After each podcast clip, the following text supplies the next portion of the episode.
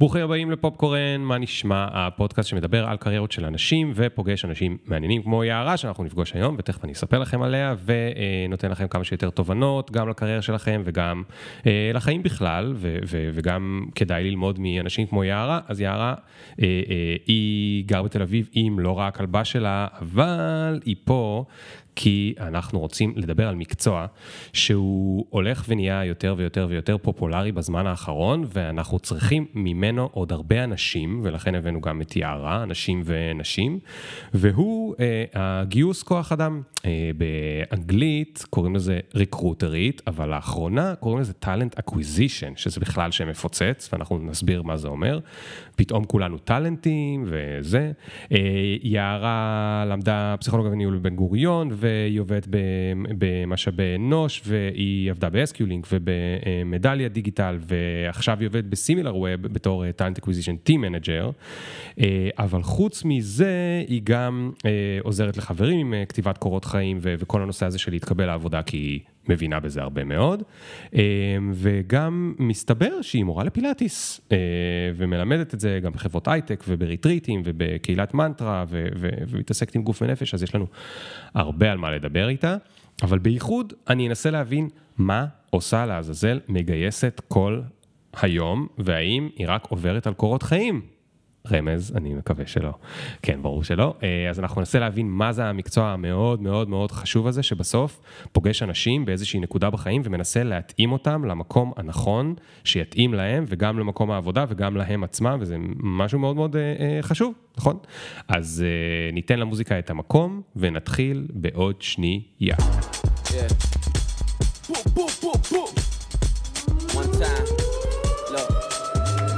Ring the alarm. Hot ass nigga, yeah. big ass head so my dreams get bigger. Yeah. Make campaign strong so my flows get sicker. Yeah. Confidence bigger than a drunk ass nigga. Look, I'm יום חמישי בערב, וזהו, סוף השבוע, ואני מתכוננת בכלל ליציאה מגניבה וכיפית, ומתחילה את הסופש, ופתאום מלא טלפונים, שבהתחלה לא הייתי קשובה אליהם ולא ליד הטלפון, ומתגברים ועוד ועוד טלפונים.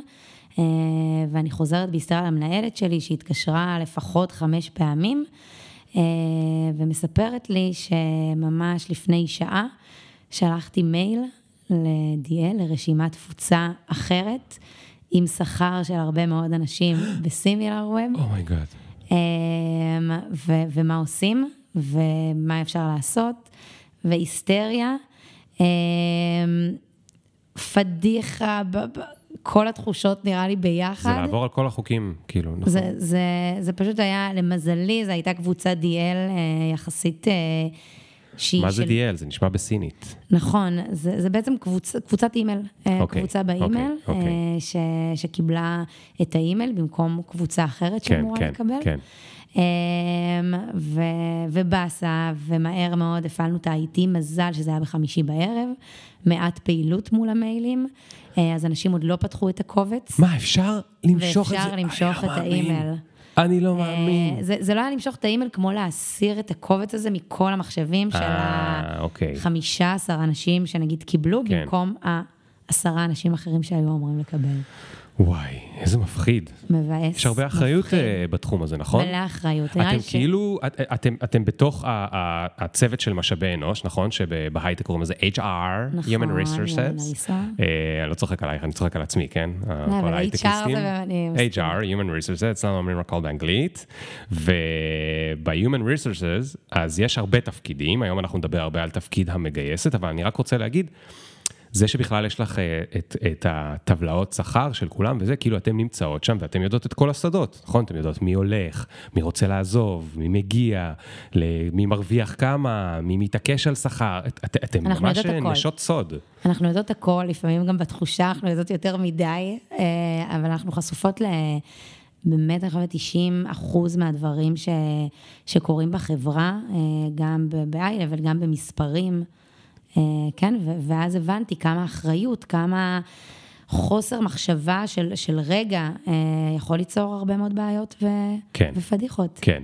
אז, אז בוא נשים רגע קונטקסט. את עובדת בסימילר ווב, למי שלא הצליח אה, ל- לראות את כל השלטי חוצות בזמן האחרון, אתם הנפקתם לא מזמן את, ה, את החברה שלכם בנסדק, אה, נכון, באמריקה, ואתם עוד אחד מהיוניקורנס, ואיך זה מרגיש לעבוד בחברה כזאת? אנחנו היוניקורן. היוניקורן. כמובן, כמובן. אמ, וואו, חברה מדהימה. אני, אני משוחדת ומאוד מאוד אוהבת את סימילר ווב, אני שם כבר שלוש שנים, ממש עוד כן. רגע. כן. אמ, כיף, כיף להיות בחברה כזאת. כאילו, מהיום שנכנסתי, החברה גודלת, כל יום קורים דברים. כן. אמ, מה שמאפשר לנו גם הרבה עבודה.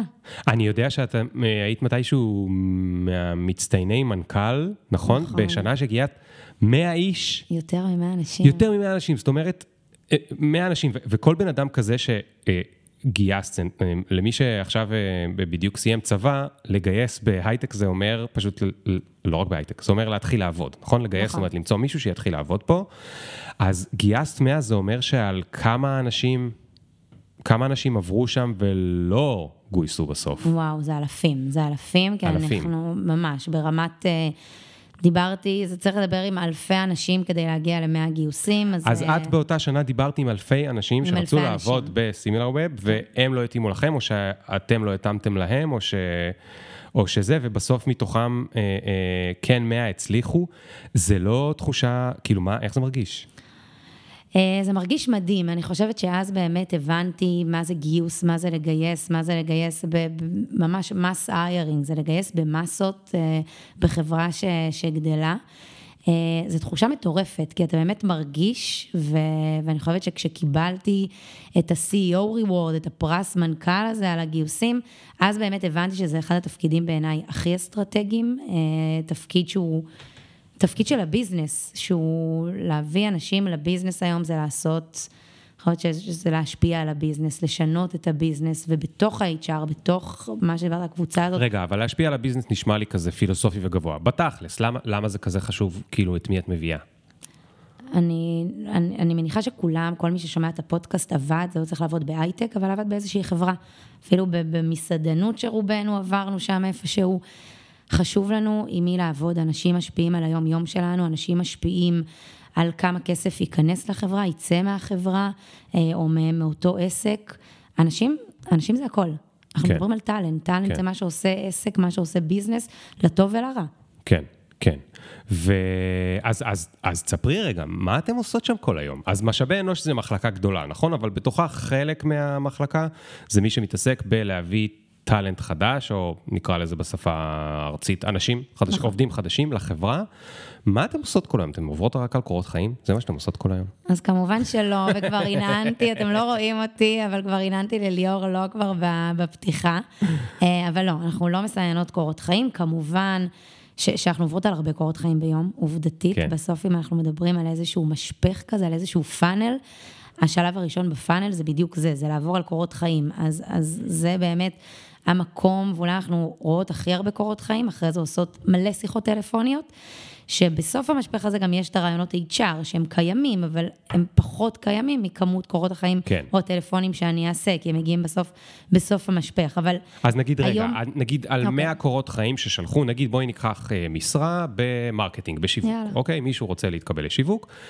שלחו 100 קורות חיים, שלחו, אנחנו רוצים. לתפקיד שהוא נגיד לא בכיר, תפקיד שדווקא יש הרבה ממנו, נגיד social media manager. שלחו 100 קורות חיים. כמה מהם אשכרה תדברי בטלפון? ב- בשאיפה לשמונה, שמונה. עשרה. עשרה. ועם כמה מהם אחר כך את תיפגשי לראיון HR ראשון, ראיון ראשון שאת בוחנת אותם? אז ראיון ראשון הוא ראיון טלפוני אצלנו. עכשיו, אני שוב, יש דברים שאני יכולה להגיד כאן שמשתנים בין חברה לחברה. אני כן. מדברת כאן על תהליך הגיוס בסימילר ווב, וחשוב להגיד. אה, אנחנו לא מתחילים ברעיון HR, זה רעיון טלפוני, איזשהו סינון טלפוני שאנחנו כן עושות, אבל בסוף בטלפון, זה לא השעה שמועמד מקבל ככה לרעיון HR כן. בסוף התהליך.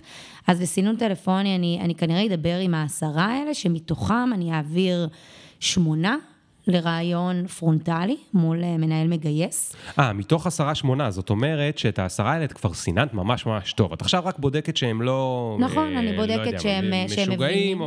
או... ציפיות שכר, שזה, אוקיי. שאולי נדבר על זה בהמשך, אבל היום זה אחד הדברים המאוד מאוד קשים ו- ומורכבים, שכר ומשא ומתן, אז כבר בשיחה הטלפונית הראשונית, אני רוצה לוודא שאני לא הולכת לבזבז למועמד, למנהל, לי את הזמן. אז זה גם משהו שיכול ליפול, יכול להיות שהוא לא הבין את המשרה עד הסוף, יכול להיות שהוא כבר מצא עבודה עד שהתקשרתי, כאילו יכולים לקרות מלא דברים. אוקיי, אבל בוא נגיד שבערך 80 אחוז, 70 אחוז עוברים את הסינון הטלפוני, אוקיי. ואז הם אה, עוברים לאיזה שלב? ואז הם מגיעים לרעיון ראשון. אה, מול המנהלת שהולכת להיות המנהלת שלהם? נכון, אוקיי. נכון. בדרך כלל אנחנו נותנים מול מנהל מגייס, אלא אם כן זה מנהל מאוד בכיר, אז אולי יהיה מישהו לפניו. אבל הרעיון הוא להפגיש כמה שיותר מהר עם המנהל שאתה הולך לעבוד איתו ביום-יום. כן. אז עכשיו המנהלת הזאת צריכה לעשות שמונה ראיונות? אה, כדי למצוא את האחד, כן, לפעמים אפילו יותר. רגע, אבל היא לא מסתכלת על הקורות חיים האלה ואומרת, רגע, אה, מתוך השמונה האלה בעצם ארבעה לא מעניינים אותי, או שאת זה כבר היא עשתה קודם? אז, אז לרוב בסינון קורות חיים, כשאנחנו מגיעים לעשרה, זה בהתייעצות עם מנהל. Mm, אוקיי, אה, אוקיי. אנחנו מתייגים אותם, הם רואים את הקורות חיים, אוקיי.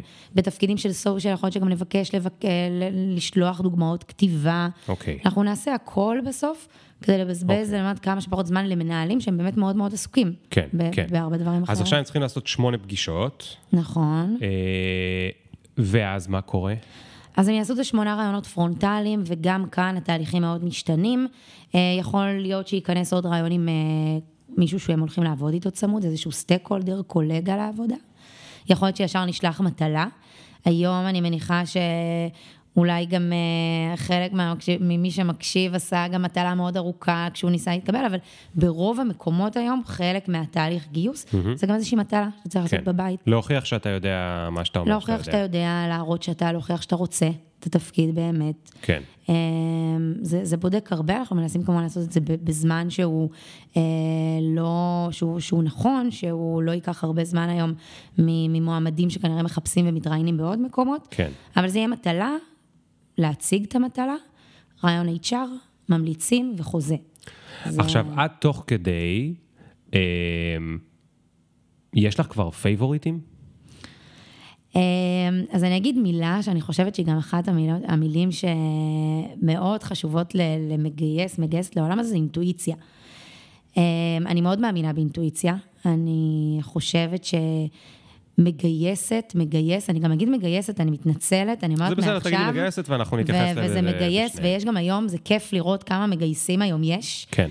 אמ, אני מכירה שניים שהם כזה גם קולגות מאוד טובות, אז זה כיף גם לראות שיש בנים בתעשייה הזאת, אבל אני אגיד כן. מגייסת. אז, אמ, אז, אז בעצם רגע נקטע לי גם החוט מחשבה, מגייס, על מגייסת. פייבוריטים. אז פייבוריטים, אז אינטואיציה, אז אני באמת חושבת שלמגייסת טובה, כן. יש אינטואיציה חזקה. זה אומר שהרבה פעמים אני מנתקת שיחת טלפון, ואני כותבת למנהל, יש לי את המועמד בשבילך, Hmm. בלי לפגוש אותו, בלי לדעת. מאיך שהוא דיבר, מאיך שהוא סיפר את הסיפור שלו, כן. ממי שהוא, מהניסיון, אני אומרת, הוא הולך להיות אצלנו. כן. כבר היה לי איתו איזשהו חיבור, כבר היה לי את האינטראקציה הראשונית הזאת. אבל את לא מפחדת שזה חיבור אישי שלך יערה עם המועמד, ולא מה שהוא צריך בחיבור עם המנהל? את מבינה, הרי הוא צריך בסוף להתחבר ברור. עם המנהל והצוות והמשימה. לגמרי, לגמרי, וזו נקודה סופר חשובה, כי הרבה פעמים, או לפחות בתחילת דרך מאוד קשה לנו להפריד, שיש לי כימיה עם מועמד, מה זה אומר? הוא בהכרח יש לו גם כימיה עם המנהל, הוא יתאים למנהל, הוא יתאים, אולי הוא גם לא מתאים לסימילר ווב, ואני יכולה לשתות איתו כן. מחר בבוקר קפה ויהיה לנו כיף. אז היה משהו שאני, ש, שבבגרות הזאת של מגייס אתה לומד, ואתה לומד אה, אם זה באמת רק כימיה איתי, אם הוא מתאים לארגון. היום ההיכרות שלי עם הארגון, עם מנהלים, עם צוותים, זה, כשאני אומרת את זה, אני אומרת, הוא יתאים למנהל, הוא יתאים לסימילר ווב, הוא לא יתאים ל... כאילו, כן. לא קשור אליי. אוקיי, אני אוקיי. יודעת להפריד את זה. אז את כבר פיתחת אינטואיציה שהיא יותר אה, אה, בוגרת ו- ויותר אה, אה, משוכללת, ועכשיו, מה, מה את עושה בבין לבין? כי זה הרי קצת כמו, אה, אה, זה, זה, לא יודע, שיש גם, ב, אני חושב על זה בתיווך דירות, או שמישהו מנסה לשדך בין חברים, נכון? זה מין, את מין כזה משהו באמצע, את גשר או צומת, או אני לא יודע איך לקרוא לזה, דבק באמצע, ואת רוצה שזה יצליח, נכון? את רוצה ש, וואו. ששני הצדדים... אני כל כך רוצה שזה יצליח, נראה לי שזה... אני, כן, אני כל כך רוצה שזה יצליח, וקורים הרבה דברים. קודם כל, גם שאלת על היום-יום, אז, כן, אז גם כן, רגע, כן. אני, אני שנייה חוזרת לזה, כי באמת, אין בעיה. כי אני אומרת הרבה בנות, אני שואלת הרבה נגיד אנשים, בנות שמסיימות מה אתן רוצות להיות, משאבי אנוש. וכמו שאמרת, משאבי אנוש זה מילה, זה מילה גדולה. כן. במשאבי אנוש יש uh, פיתוח ארגוני ותקשורת פנים-ארגונית ו-HR business partner, זאת שעובדת עם המנהלים ועם העובדים ביום-יום, ויש גיוס. ורווחה. ורווחה, נכון, הימי experience, אה. אירועים וימי בריכה וימי כיף ועוד מלא דברים אחרים חשובים. אה, ויש את הגיוס. ויש גיוס. כן. ו- ו- ואנחנו אנחנו מגייסות. אני היום עושה, בשלוש שנים האחרונות אני עושה, אני אפילו לא יכולה להגיד 100% גיוס, אני עושה 400% גיוס. אה, וגיוס זה עולם ומלואו. ויום של מגייסת, ואני אומרת את זה כי הרבה פעמים באמת גיוס זה, זה, זה מקום שהוא קצת מרתיע, כי באמת מה, אני אעבור כל היום על קורות חיים, אה, זה, זה כזה להיות אה, איזושהי, לתאם רק רעיונות, להיות קורדינטור, במילים פחות איפה להיות עכשיו מזכירה של מלא מנהלים מגייסים, אבל זה עוד הרבה מעבר, ואני חושבת שמה שיפה בתפקיד, שאף יום לא דומה ליום שלפניו, הוא לא דומה.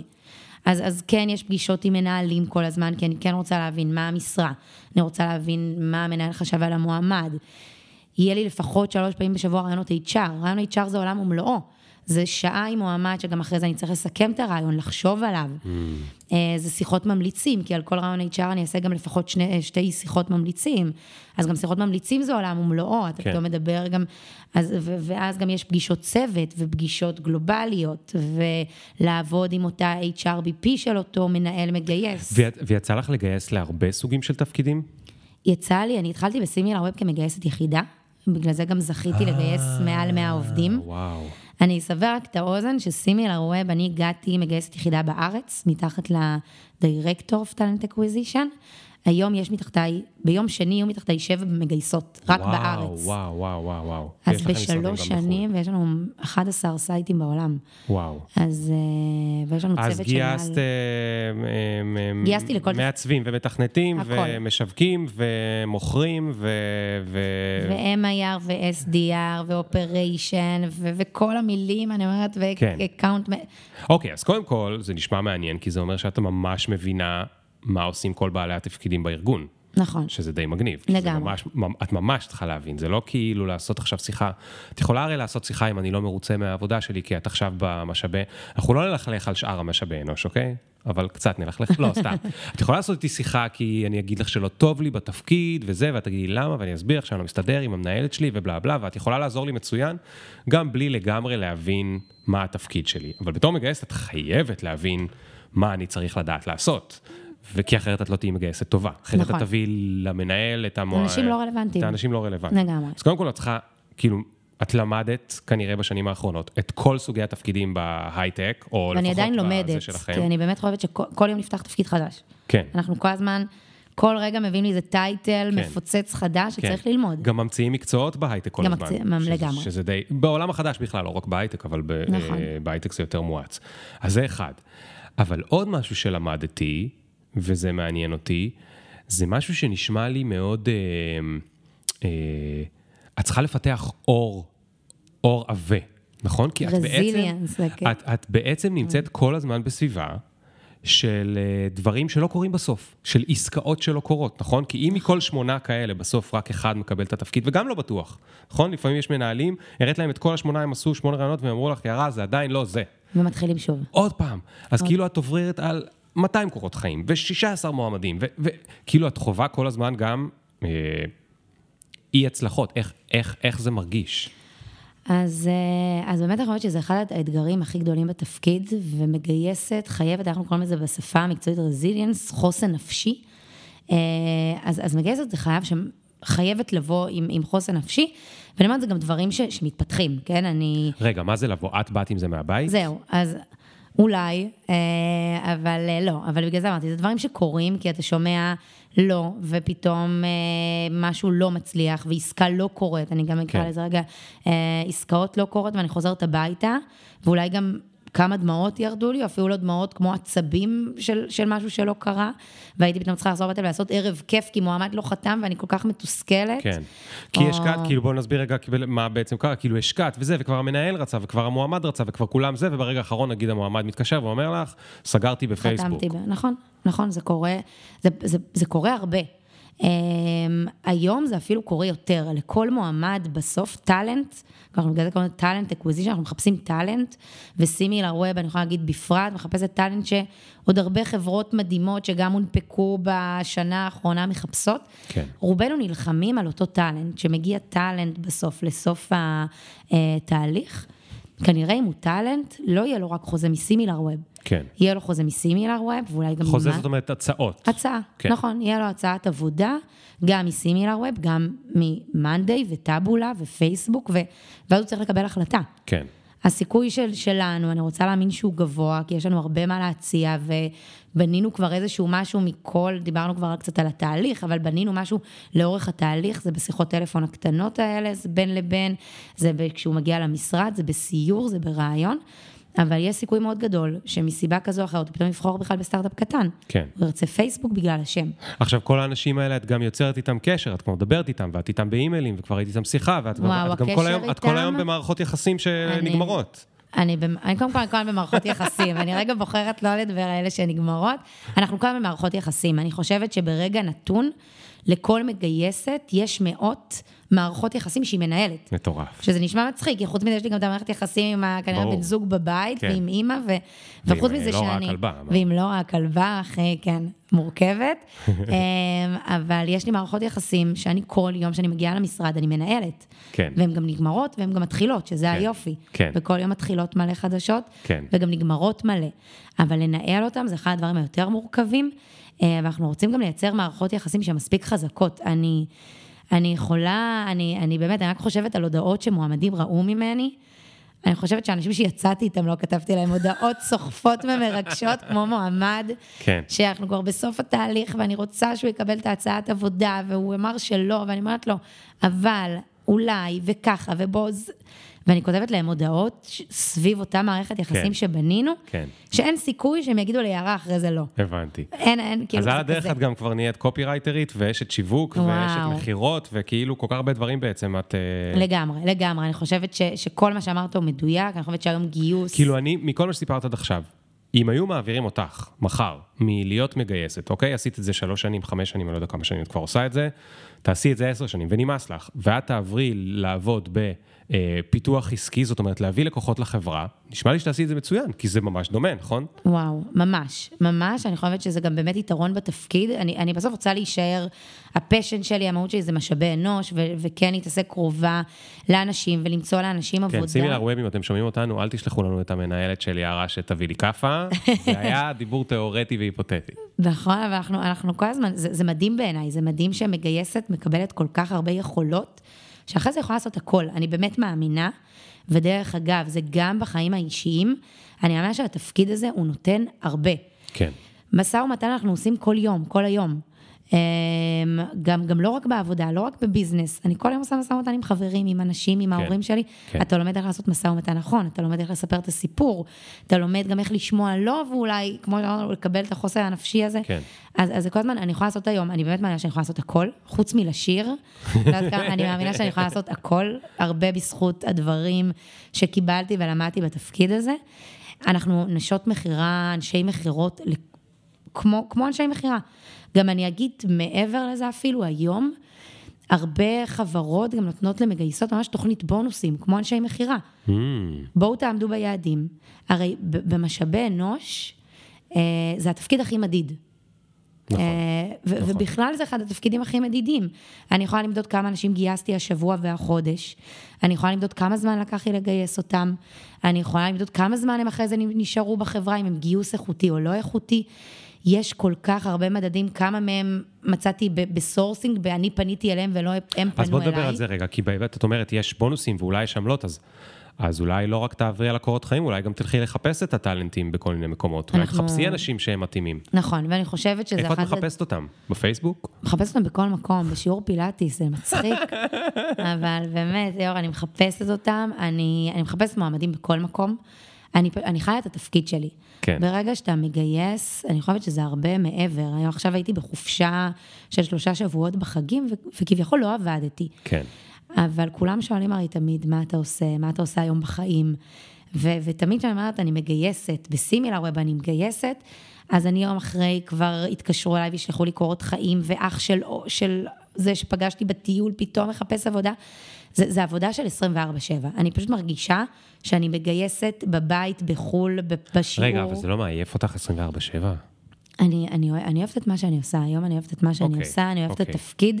אני, אני חיה ונושמת את התפקיד הזה. כאילו, הוא... זה הרבה מעבר ממני, זה הרבה מעבר לתשע-שש במשרד. אז, אז בוא נדבר רגע על החלק, אז דיברנו על החלקים המבאסים, ואולי כמה דמעות בבית, ומשהו שברגע האחרון נפל. ויש עוד מלא חלקים מבאסים, דרך אגב. יש, יש. אז תכף נדבר על עוד חלקים מבאסים, אבל בוא, בוא נעצור רגע לדבר על חלק מרגש. מה, מה זה חלק מרגש? מה, מאיפה כל האנרגיה הזאת שלך, שאת כאילו רוצה לעשות את זה כל הזמן? חלק מרגש, אה, זה, זה למצוא למישהו עבודה. אנחנו לפעמים רואים את זה כאיזשהו משהו, ומגייסת, הרבה פעמים נשמע איזשהו תפקיד אה, מעצבן, והיא אומרת כן ולא, אבל ההתרגשות הזאת והתחושה של למצוא למישהו עבודה, זה בעיניי, זו התחושה הכי טובה בעולם, זו תחושה מדהימה. אני בעצם היום מחליטה, עוזרת למישהו להחליט או להיות במקום ש, שבו הוא הולך להיות כנראה בשנים הקרובות, את רוב הזמן שלו בחיים. כן. אה, ומעבר לזה, אני בונה לו קריירה, כי כל שלב שלנו בקריירה, הוא משמעותי. אם אני החלטתי למישהו שהוא יהיה באיזשהו תפקיד בקריירה, זה ישפיע לו גם על מה הוא יעשה בתפקיד הבא, כן. ומה הוא יעשה עוד חמש שנים, ואולי כן. גם איך החיים שלו ייראו. עכשיו תגידי שאלה כנה. אה, את עכשיו צריכה לסגור משרה, נכון? ככה אתם קוראים לזה? לסגור כן, משרה. לסגור משרה, בואי. לסגור משרה. אנחנו עוד מעט נעביר, עוד מעט אני מגייסת אותך אלינו, ליאור, זה ה... אין בעיה, יש לך מקום בצוות, נשמע שצפוף שם כבר. יש, תמיד. אה, אני מגייס את השמינית, אין לי בעיה. אה, את צריכה לסגור משרה. עכשיו, מצאת מישהו, וואלה, יש לו את כל היכולות.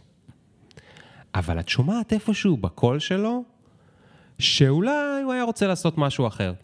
אבל את יודעת שאת יכולה לשכנע אותו. עכשיו לך יש את הקונפליקט, אני יכולה לשכנע אותו, הוא גם יבוא, הוא רוצה, זה יתאים למנהל, יש לו את הסקילס, זאת אומרת, על יבש על, על הנייר, יש לו את מה שצריך. אבל את שומעת שהוא לא כזה סגור שזה המקצוע שהוא רוצה לעצמו, בשנים הקרובות. את לא תגייסי אותו בכל זאת? כאילו, מה את עושה עם זה? אז זו שאלה מעולה, זה קונפליקטים, אני אגיד, אני לא, זה לא קונפליקטים יומיומיים, אבל הם קיימים. ואני חושבת שאולי זו הנקודה שמפרידה בין התחושה שאנחנו באמת מוכרות, כי כנראה איש מכירות היה אומר, אני רוצה להביא כסף לחברה, אני סוגר את הדיל הזה, גם אם זה לא בדיוק והוא לא בדיוק יודע ורוצה, אני מביא את הכסף הזה ויהי מה. כן. בסוף אנחנו מתעסקים באנשים, ואני תמיד אגיד, קודם כל אנשים ואחרי זה מספרים. עם כמה שאמרתי שזה תפקיד מדיד, ואנחנו מסתכלות על מספרים, ובסוף אני נמדדת לסגור מחר בבוקר משרה, יש פה בן אדם. ו, ובקונפליקט הזה אני חייבת להגיד שהבן אדם ינצח, ואני אגיד אפילו יותר מזה, ואפילו זו דוגמה שרציתי רגע להגיד בסיפור הקודם, אבל להגיע אליי מישהי לעבוד במחלקת אה, משאבי אנוש. אה, הסמנכ"לית משאבי אנוש אמרה לי, היא למדה אצלי תואר שני של משאבי אנוש, היא רוצה לעסוק במשאבי אנוש. בואי, יש לנו שלוש משרות במשאבי אנוש, בואו נמצא מה מתאים לה מאחת המשרות האלה. אוקיי. Okay. דיברתי עם אותה אחת, שהיום היא כבר רשת מכירות בסימילר ווב, אני כזה בסוף הסיפור, אבל ברעיון שלי ושלה, באיזשהו שלב אמרתי לה, למה, למה, למה למדת משאבי אנוש? אני מסתכלת עלייך, ונראה שאת יכולה, שאת, שאת רוצה ויכולה לעשות דברים אחרים. ניסינו להבין מה היא באמת רוצה, שאלת גם שיעורי בית הביתה. את אחד מהתפקידים של, שלושת התפקידים שהיה לי של משאבי אנוש, לא סגרתי איתה. Mm-hmm. בזכותה סגרתי תפקיד אחר. אני אגיד שזה גם תמיד היתרון בלהכיר את כל המשרות שבשלב נתון יש לי כנראה משרה פתוחה בכל מחלקה. אז אני אסגור משרה בטוח, אני אסגור משרה שאני יודעת שתתאים למועמד הזה יותר. אני אעזור לו לבנות את הקריירה שלו. כן. הרבה מועמדים, לפחות בכלל כרגע, מאוד מאוד מבולבלים, כולנו כן. היינו שם, כן. כולנו התבלבלנו. אבל, אבל היא לא התעקשה, כי הרי היא הרגע סיימה את התואר בדבר הזה, והרבה פעמים זה גורם לך כאילו להתעקש, כי אתה כבר סיפרת לעצמך שזה מה שאתה רוצה לעשות, והנה עובדה, כבר עשית בזה תואר, ועכשיו מה, אני אלך לעשות משהו אחר, כאילו אני אזרוק את התואר לפח. אז אחד, הרבה זורקים את התואר לפח, ואני אגיד את זה כאן, בתקווה שעוד הרבה ישמעו. זה בסדר לזרוק תואר לפח, זה גם לא לזרוק לפח, כי בזמן שאתה עושה תואר, יש, אתה מקבל הרבה כלים, מלא כלים, ו- ואני... באמת, מקבלת כמויות של קורות חיים של עורכי דין שעשו התמחות ועשו את המבחני לשכה ואפילו עבדו בזה כמה שנים, ולא רוצים לעשות את זה היום. אבל הם מגיעים עם סקילסט מטורף, שהם יודעים להסתכל על חוזים, ואנגלית כנראה ברמה מאוד גבוהה, והם עובדים מאוד קשה, הם, הם כבר קיבלו איזשהו skillset. כן. אז לפח אתה לא זורק שום דבר, אבל shift בחיים זה בעיניי דבר מבורך. אה, גם הרבה פעמים כדאי כבר לעשות אותו קודם. כן. אה, ובשלב רגע, מוקדם. אז, אז, אז יש לי שאלה אחרת. את לא מפחדת לפעמים, את לא חוזרת הביתה ואת אומרת, יואו, מה באתי ונתתי לה את העצה הזאת? כאילו, מאיפה אני מבינה מה, כאילו, את מבינה מה אני מתכוון? יש לך הרבה כוח. בעצם את נמצאת בנקודה שבה יכול לבוא בן אדם וממש להקשיב לך, את בעיניו אוטוריטה, את ראית הרבה, את מבינה הרבה, ואת לא, לא אומרת לעצמך, אין לך כאילו לפעמים תזמורת המתחזה, את אומרת כזה, יואו, אולי לא הייתי צריכה לתת לו את הטיפ הזה, עכשיו אני אהפוך לו את כל החיים. אז אני נותנת היום טיפים שאני בטוחה. אה, כשאני לא בטוחה, אני גם יודעת להגיד, אני גם מתלבטת, בוא נחשוב ביחד, בוא תחשוב על זה ונדבר עוד שבוע, בוא, בוא נעשה רגע איזשהו מחקר. אני הרבה פעמים שולחת אנשים, בוא תעשה מחקר. כן. אני יעצתי לך משהו, אבל בוא תחקור. בוא תקרא תיאור משרה של משרה, בוא, בוא תדבר עם מישהו שהוא איש מכירות בחברה אחרת, תבין איך זה נראה ביום-יום. כן. ואולי בעוד חברה, כי זה נראה אחרת בין חברה לחברה. אבל אני גם הרבה פעמים עושה מחקר. אם אני לא בטוחה, אני לא אומרת, אבל יש מקומות ששוב אני אומרת, אני, אני כן מרגישה אחרי שש שנים במקצוע, ו- וכן כבן אדם שמאוד אוהב אנשים, וכמו שאמרתי, מתעסקת בזה גם לפני ואחרי העבודה, יש מקומות שאני יותר בטוחה. כשאני בטוחה, אני מרשה גם לעצמי להגיד, אני, אני באמת מאמינה שתפקיד אחר יתאים לך יותר. כן. יש לך את כל היכולות, יש לך את כל היכולות לעשות תפקיד אחר שגם יספק יותר. כן, ו- וגם מתוך הבנה שאנחנו בעולם כל כך דינמי, לטוב ולרע, כן. וגם מחר בבוקר אנחנו יכולים לקום ולהגיד, אנחנו רוצים לעשות משהו אחר ולהתקדם ולשנות. זה היום בסדר. כן, אני גם חושב שזה, אני חושב שזה חשוב, זאת אומרת, זה, זה חשוב נורא שאת עושה את זה, כי יכול להיות שאותו בן אדם, אני מכיר את זה מה, מההתעמתות שלי עם אותם נושאים, כאילו בפופקורן וב, ובכלל בפעילות של השנים האחרונות, יכול להיות שהבן אדם הזה בבטן, הוא כבר מרגיש שהוא רוצה לעשות משהו אחר, אבל כשהוא מדבר על זה עם ההורים שלו, עם הבת זוג שלו, עם החברים שלו, אז אומרים לו, מה אתה מזיין את השכל? כאילו זה מה שאתה עושה, וזה מה שלמדת, מה אתה עכשיו, אל תתחכם. פתאום הוא בא למישהי שאומרת לו, תקשיב חביבי, אני מכירה את כל התפקידים, גייסתי לכל התפקידים, אני רואה את כל הדברים, אני יכולה להגיד לך שאתה יכול לעשות משהו אחר, פתאום הוא, הוא מקבל מישהו שמאמין בו, כאילו, זה, זה, בקיצור, זה, לגמרי, אתה מקבל עוד, עוד פרספקטיבה שהיא לא מההורים והיא לא מחברים, שלפעמים יותר מקובעים, כי, כי הדור משתנה ואנחנו בדור אחר.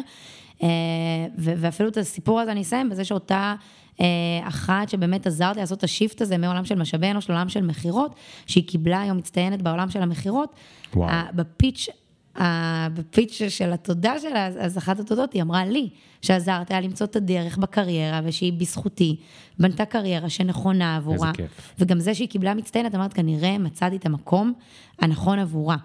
ו- ו- וזה תחושות, זה תחושות שאתה הולך איתן הביתה, וגם לא, הנה, תחוש, אני, זה קרה לפני חצי שנה, וזה מלווה אותי עדיין כל יום. כן, כן. מה עוד מבאס? אז, אז מבאס, אז דיברנו על עולם, הרגע אמרתי את העניין שהעולם הזה הוא דינמי, ומשרה נפתחת ומשרה נסגרת. מבאס לעבוד על משרה אה, הרבה מאוד שעות, הרבה מאוד ימים. אה, יש משרות שגם פתוחות חודשים, אה, ופתאום הביזנס החליט, או מישהו שם החליט לסגור את המשרה, או פתאום החליטו לקדם מישהו אחר, שזה מדהים. אבל רגע, עבדתי על המשרה ועכשיו נפתחת לי משרה במקום כן. אחד שמקדמים. כן. אז, אז גם זמן, בגלל שאנחנו בעולם מאוד דינמי, אז דברים כל הזמן קורים, ו- ויכול להיות שעבדתי על משרה שעות, ימים וחודשים, ובסוף היא, היא נהיית לא רלוונטית מהרבה סיבות, כן. פתאום הקפאה. כן. אמ, טוב, לפעמים אומרים, כאילו, את יודעת, זה קצת כמו העניין הזה של אה, דן אריאלי, שאומר שאתה יותר אוהב מדף מאיקאה כי עבדת עליו קשה. אז יכול להיות שבגלל שאת עובדת על כל משרה ממש קשה, בסוף את ממש מרגישה. סיפוק אדיר מכל אה, דבר כזה. תגידי, אז השחלת לנו ככה תוך כדי שאת כבר גייסת, את גייסת את השבע מגייסים מגייסות אצלך בצוות? אמ, את רובן כן, יש רובן אחת, כן. כן. אוקיי. אז היית צריכה לכתוב פתאום תיאור משרה לצוות שלך. קודם כל, איך זה הרגיש? זה כבר לא של מישהו אחר, נכון? נכון. אני אומר את זה כי נגיד אה, מעצבים ממש גרועים בלעשות לעצמם את האתר, נכון? צלמים לפעמים ממש גרועים בלעשות את התמונה של עצמם. לאנשים נורא קשה. איך היה לך לכתוב תיאור משרה ולגייס? אז, אז זה מעניין, זה באמת מעניין, כי פתאום אתה באמת, קודם כל אני אגיד שגם כשאני מגייסת למנהל, ואולי זה יישמע קלישאתי, ובאמת זה לא בגלל שאנשים שומעים את זה, אבל כשאתה עובד בחברה ומגייס גם למנהל אחר, זה עדיין לגייס בשבילך, כי בסוף מחר בבוקר זה מישהו שיעבוד, יכול להיות אפילו בשולחן סמוך אליך. כן. זה מישהו שאתה תפגוש אותו, שיהיה לך איתו איזשהו ממשק כנראה. כן. אבל, אבל כן, זה עדיין לא לצוות שלך, אני מסכימה. וקודם כל זה מרגש היום שקיבלתי את, את התפקיד הניהולי, ו- ולנהל, ולכתוב תיאור משרה, ולגייס, זה, זה חלק מאוד מרגש, כי גייסתי הרבה, ו- והיום אני עדיין מגייסת גם בעצמי, אמנם לתפקידים קצת יותר בכירים, ועדיין מגייסת.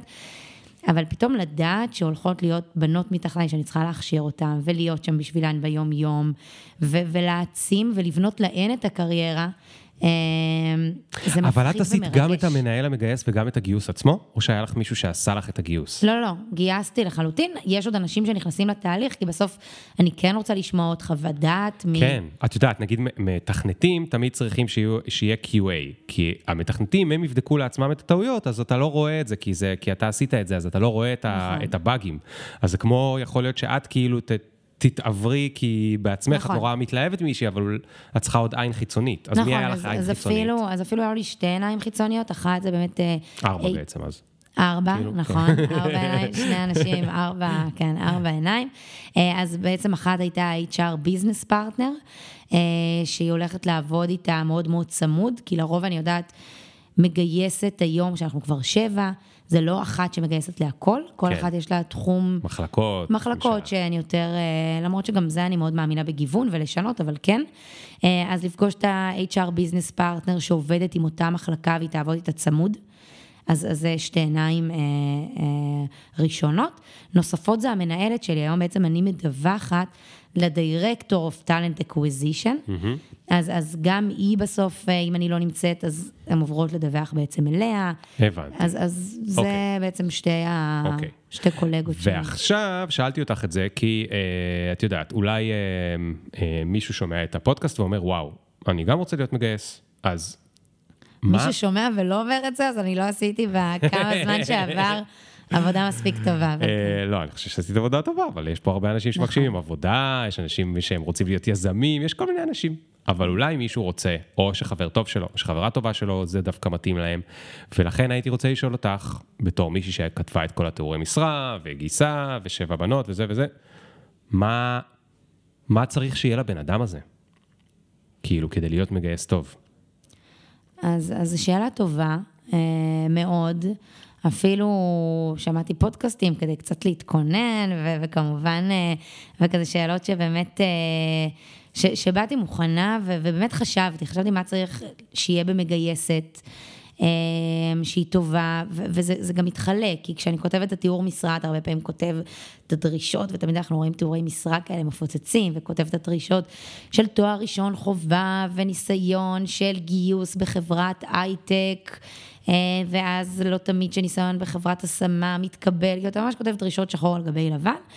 אה, שכן, שחיפשתי אה, עד לא מזמן שהמשרה נסגרה, בנות שכן, אה, או אנשים שכן עשו את זה כבר בעבר והיו בחברה, כי אנחנו עובדים בקצב שהוא מאוד מאוד מהיר בסימילר ווב. אתה חייב להכיר את- המושגים, אתה חייב לדעת מה זה לעבוד בארגון, כי מאוד קשה להיכנס כבר לארגון של אלף עובדים בלי. כן. אה, אז, אז זה בעצם איזושהי דרישה שהיא חובה. אבל אני שמה רגע את הדרישות של התואר הראשון כן. והניסיון בצד. וגם בוא לא נדבר רק על Similarweb, בוא נדבר גם, יש גם חברות, רוב החברות הן יותר קטנות. נכון. Uh, עדיין אני יכולה להגיד שהרבה פעמים, ובגלל זה תואר ראשון הוא אף פעם לא הולך לפח, כי אנשים מחפשים תואר ראשון. וברוב המקרים וברוב המשרות, גם במשרות uh, ב sales שקצת דיברנו ב marketing, לא תמיד יהיה למנהל המגייס חשוב במה אתה עשית תואר ראשון, אבל אני חושב לראות שהיית במסגרת, שלמדת, אוקיי. שאתה יודע ללמוד. אוקיי. אמ, ו- וגם פה פחות חשוב לי, אני יכולה להגיד במגייסת, במה היא עשתה תואר ראשון. זה יכול להיות בכלל עורכת דין לשעבר, יכול להיות מישהי שלמדה תקשורת. אה, יש לי מישהי בצוות שלמדה ניהול, ו- ולא משאבי אנוש. מה אבל- את למדת? אז אני למדתי פסיכולוגיה וניהול. אני כן גם אגיד אפרופו שיפטים שהתחלתי ללמוד מדעי ההתנהגות, אה, ואחרי אה, סמסטר הבנתי שמשהו משהו לא עובד. אה, ו- ובעצם אה, המרתי את החוג של סוציולוגיה, אנתרופולוגיה בניהול, ועשיתי שילוב של פסיכולוגיה ניהול, שהייתי צריכה לעשות בשבילו עוד שנה אקסטרה, אבל פתאום הבנתי כמה זה הרבה יותר מדויק, והיה לחלוטין שווה את השנה האקסטרה כדי למצוא לימודים שהם יותר מדויקים בשבילי. כן. לא יודעת מה אני אעשה אחרי, כן. אבל אני רוצה ליהנות, כן. רוצה ללמוד. כן. אה, אז, אז אני למדתי פסיכולוגיה וניהול, אבל באמת אני חושבת שלתחום הזה אפשר להגיע מהרבה מקצועות שונים ומהרבה חוגים שונים שלומדים ב, אה, באוניברסיטאות ובמכללות. ואת לא תסתכלי בכלל על מישהו שאין לו תואר ראשון? אה, אז, אז הרבה פעמים מה שמפצה היום על תארים, אה, ולי אין תואר שני, ואני חושבת שאני במקום מדהים בקריירה, אז מה שמפצה היום על תארים זה, זה ניסיון. אוקיי. אמ, כי כשאין תואר, כן צריך ניסיון. כי כשאין לא תואר ולא ניסיון, אז מתחילות הבעיות. אז מי הבן אדם? כן. מה הוא עשה? כן. מה הוא יודע לעשות? אני לא יודעת. כן. אה, אז ברגע שאין תואר, צריך ניסיון. והרבה פעמים היום בלי תואר, מה שהיה פעם בלי תעודת בגרות, שהיום זה כבר זה משהו שלא שואלים, אבל פעם בלי תעודת בגרות לא יכלת לעבוד. היום בלי תואר, לרוב מאוד קשה למצוא את העבודה הראשונה. אבל once למישהו יש ניסיון, ו- וזה משהו שאנחנו רואים, רואים אולי במחלקות אחרות, אני יכולה להגיד שבמשאבי אנוש פחות, אבל אני יכולה לקבל אלינו מפתחים הכי מוכשרים היום, שלעולם לא למדו. כן. אמ, אז כמובן שזה לא חובה, אבל אז נכנס הניסיון, ו- וכן הרבה פעמים מחפשים ניסיון, ניסיון בחברות השמה, ולי זה גם היה התפקיד הראשון, כי, כי זה מקומות שהרבה פעמים לוקחים בלי ניסיון, ולוקחים באמת עם תואר. מישהי עם ראש על הכתפיים, שמבינה ורוצה לעסוק במקצועות האלה של משאבי אנוש, ברוב הפעמים, דריסת הרגל תהיה בחברת השמה. אוקיי. מלא אוקיי. חברות השמה, כן.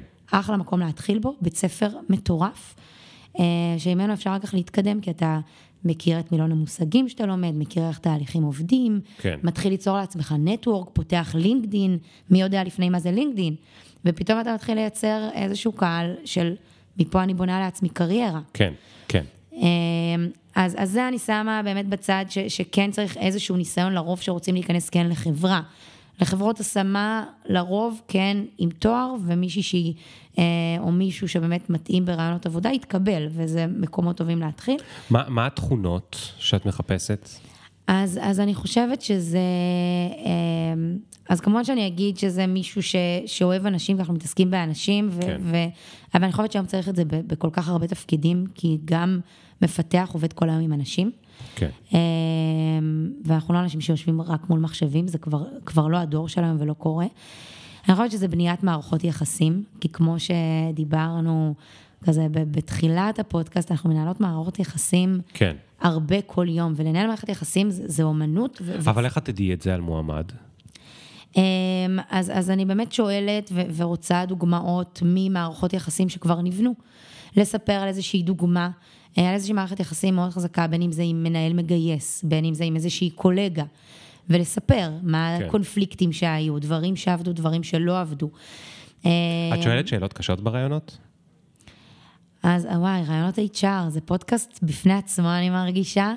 אה, לא יודעת אם שאלות קשות, קשה להגיד שאלות קשות, גם היום אנחנו אנשים מוכנים. אני לא יודעת אם שאלות קשות, אבל אני, אני מגיעה עם אנשים, עם מועמדים, למקומות מאוד עמוקים.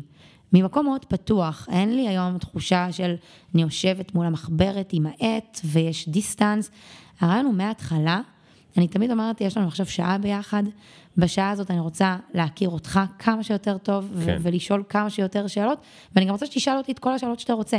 אנחנו פה בדו-שיח פתוח, ובאמת לתת את התחושה הכי נוחה, הכי כיפית, עם חיוך, עם צחוק, עם בדיחה, הכל מתקבל ברעיונות HR.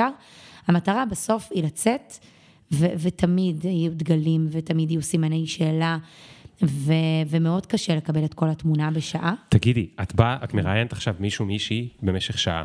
אני כאילו, אני ממש מרוכז במה שאת אומרת. את, את, את, את מנסה להגיע איתם לרבדים ולעומק ולהכיר אותם כמה שיותר. אבל הם יושבים שם מולך, כאילו ניסיתי לדמיין את עצמי עכשיו, אני פשוט, פעם אחרונה שהייתי בראיון עבודה היה לפני איזה ש- 17 או 16 וואו. שנה. שזה לא ממש קורה לא היום. זוכר, אני ממש לא זוכר מה קורה שם. ו... אבל אני בטוח, אני יכול לדמיין שמה שקרה שם זה שהייתי לחוץ. ממש ממש ממש לחוץ. מה זה המקום הזה, ומי זה האיש הזה, ומה הוא רוצה ממני, והאם אני בכלל, אני עונה לו, אני פה, אני בחדר, אני לא בחדר. כאילו, איך את מרגיעה אותם? כאילו, גם את זה את צריכה לדעת לעשות? איך אה, מרגיעים את הבן אדם בריאיון? כי, כי אתה לא באמת יכול לגלות מי הוא, אם עכשיו הוא רק בלחץ, נכון? צריך להיות רגוע, כאילו. נכון. שם לו משהו במים לפני? אם היינו, אם היינו יכולים אולי, זה, זה כזה, אני פתאום חושבת שוואלה, פתרון טוב. אמ, לרוב זה כבר מועמדים שכן מכירים אותי. אה, וכבר בנינו ביחד, כמו שדיברנו, איזושהי מערכת יחסים שהתחילה, אם אתה זוכר עוד בשיחת טלפון הראשונה. כן. אז הוא יראה, ופתאום אני גם רואה אותו הרבה פעמים, אולי פעם ראשונה פנים מול פנים, ודווקא יש חלק יותר כיף ומרגש. וואי, ליאור, איזה, איזה כיף, כמה דיברנו, ופתאום לראות אותך פנים מול פנים, ובוא נעשה רגע סיור במשרד, אם אני רואה שם כבר בלחיצת יד, כבר בעיניים, היום יש מסכות, לפעמים גם לא רואים יותר מזה, מבאס, mm. אבל אפילו בעיניים, אם הוא לחוץ, ואז אנחנו רגע, בוא נעשה שנייה סיור במשרד. ואז אני מושיבה אותו במטבח כזה איתי, גם אם הוא לא מכין קפה, אני לרוב דואגת שלפני רעיון HR יבוא לי קפה. כן. הרגע הזה, החמש דקות, עשר דקות במשר... במטבח, אה, שזה מצחיק, אבל אחד המועמדים אה, מאוד בכיר, מועמד אה, ל-R&D, שהיה לנו מאוד מאוד קשה לגייס, במקרה יצא לבלות איתו איזה רבע שעה במטבח, כי בדיוק עברו כמה אנשים ודיברו איתי. כשהוא חתם על החוזה, הוא בסוף אמר לי, שהרבע שעה במטבח, בכל התהליך, היו הרבע שעה הכי משמעותיות והכי מלמדות שהיו לו, ו- ו- וזה קצת משחרר, כי פתאום רואים אותי עם אנשים אחרים, כי יש בסוף 500 אנשים במשרד בתל אביב, כנראה שברגע נתון במטבח יהיו איתי לפחות עוד ארבעה אנשים. זה ארבעה אנשים, יארה, מה קורה, ומספרים לי פתאום סיפור, והוא נמצא שם לשמוע. וזה שובר את הקרח, ופתאום כן. אולי גם הוא מכיר מישהו. Mm. אני הגעתי לסימי לרוב שלא ידעתי שאני מכירה שבעה אנשים שעובדים שם. אה, ואולי הוא גם מכיר מישהו, ואז זה גם יהיה לו נחמד, ואולי גם נראה את המנהל שכבר הוא פגש. אז, אז יש הרבה דרכים, וגם בהתחלה... ואיך את זוכרת את השמות של כולם? אה, אני אלופה בזה. איך אני... עושים את זה? וואי, איך אני מקנא בזה? אם שומעות אותי גם הבנות שלי של הפילאטיס, יש לי, כולם יודעים שיש לי פטיש לשמ... לשמות מטורף. את גם זוכרת את כל השמות של הפילאטיס. של הפילאטיס, ריטריטים, אני יכולה להתחיל ריטריט בלי להכיר אף אחד, 40 אנשים. לסיים, אפילו לא לסיים, יום אחרי אני מכירה 40 שמות. וואו. אני, יש לי פטיש לשמות, אני מאוד מאמינה ב, ביחס הפרסונלי הזה. כשאתה פונה למישהו בשם, כשאתה אומר את השם שלו, ליאור, תרים את הרגל. ליאור, תעשה... כן. זה, זה ישר, זה, זה, זה, זה אחרת. כן. זה אחרת כן. מ- מלא לפנות בכלל, או מלא לזכור את השם. אז, אז אני, רגע, יש לי פטיש לשמות ויש לי זיכרון לא טוב, אבל לשמות איכשהו... אני, אני עובדת על זה תמיד, אוקיי, הוא דומה לי ל, הוא מזכיר לי זה. גדול. אה, אז אני זוכרת שמות, אני היום זוכרת לדעתי, לפחות במשרד בישראל, אני מכירה, היום זה לא את כל העובדים, פעם אמרתי בפה מלא שאני מכירה את כל עובד, כולל הרבה דברים והרבה פרטים אישיים אחרים שאף אחד לא יודע, ואני כן יודעת, כי הכרתי את זה בשעה הזאת של השיחה, או כשהתקשרתי ושמעתי את הילדים שלו ברקע. אמ, אז, אז לי יש פטיש מטורף לשמות ואני זוכרת, וזה חשוב לי. כן. כשזה חשוב, זוכרים. אוקיי, אז הנה בדיוק, אז, אז, אז, אז המישהו הזה צריך שיהיה חשוב לו אנשים, ושהוא ידע לפתח מערכות יחסים. ואיזה עוד תכונות צריך בן אדם ש... אז חוסן נפשי, ודיברנו על זה, אבל אני באמת חושבת שזה אחרי התכונות מאוד חשובות. היום אתה לא יכול להיות בעולם הזה, במיוחד לא היום, שזה נהיה עולם, ואני בטוחה שהרבה התחברו, גיוס, והתחברו גם מי שישמע את זה והוא יזם והוא מנסה לגייס אליו. או, או מנהל שמנסה לגייס אליו, או מישהו שעכשיו מחפש עבודה, מכל הצדדים זה, זה, זה מאוד מאוד קשה. זה נהיה תחום מאוד קשה לגייס, אה, אתה חווה הרבה לא, אתה חווה אה, הרבה אי התאמות בין מנהל לבין עובד, אתה חווה משאי ומתן קשים. אנחנו ב, ב, ב, בעולם קשה של גיוס. אה, ומי שאין לה, מי שאין לו חוסן נפשי, ואני גם, אני רואה את זה הרבה פעמים באנרגיות שהוא נכנס לרעיון, בסיפור, בוא תספר על איזשהו כישלון שחווית, איך התמודדת. כן. אה, בהתנהגות, בחיוך, באיך לוקחים אה, דברים, אה, גם לאורך התהליך, ו- וחוסן נפשי, אני חושבת שזה אחד הדברים הנוספים המאוד חשובים.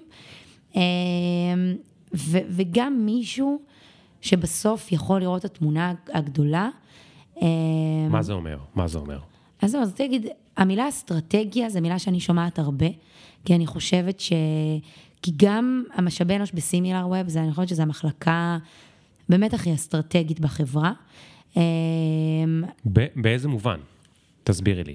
אז, אז זה במובן שאני חייבת היום, כשאני מגייסת מישהו, לראות את התמונה הכוללת. אני לא יכולה לראות רק את המערכת יחסים ביני לבינו, וזה בדיוק גם מה ששאלת בהתחלה.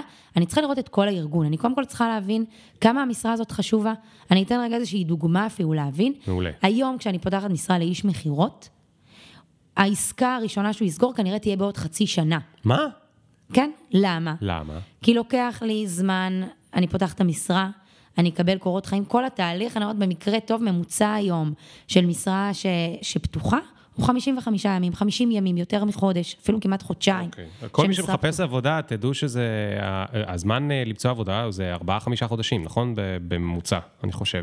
אז, אז, אז מה, היום משהו כזה. אוקיי. היום אה, משהו אז, כזה. אז את אומרת, רק חודשיים ייקח עד שאת כנראה תסגרי אותה. נכון, ואז המועמד שכנראה עובד, כי אם הוא טאלנט, הוא עובד במקום שאני, הוא מאוד אה, זה, יש לו נוטיס של לפחות חודש. אוקיי, אז היום גם רוצה אולי עוד. שבועיים גם לטוס לקוסטה ריקה, אז בואו ניפגש עוד חודש וחצי. כן. אז אני כבר בשלושה וחצי חודשים. ואז יש את התקופה של ההכשרה. הוא לא מכיר את המוצר של סימילרווב, יש ramp-up.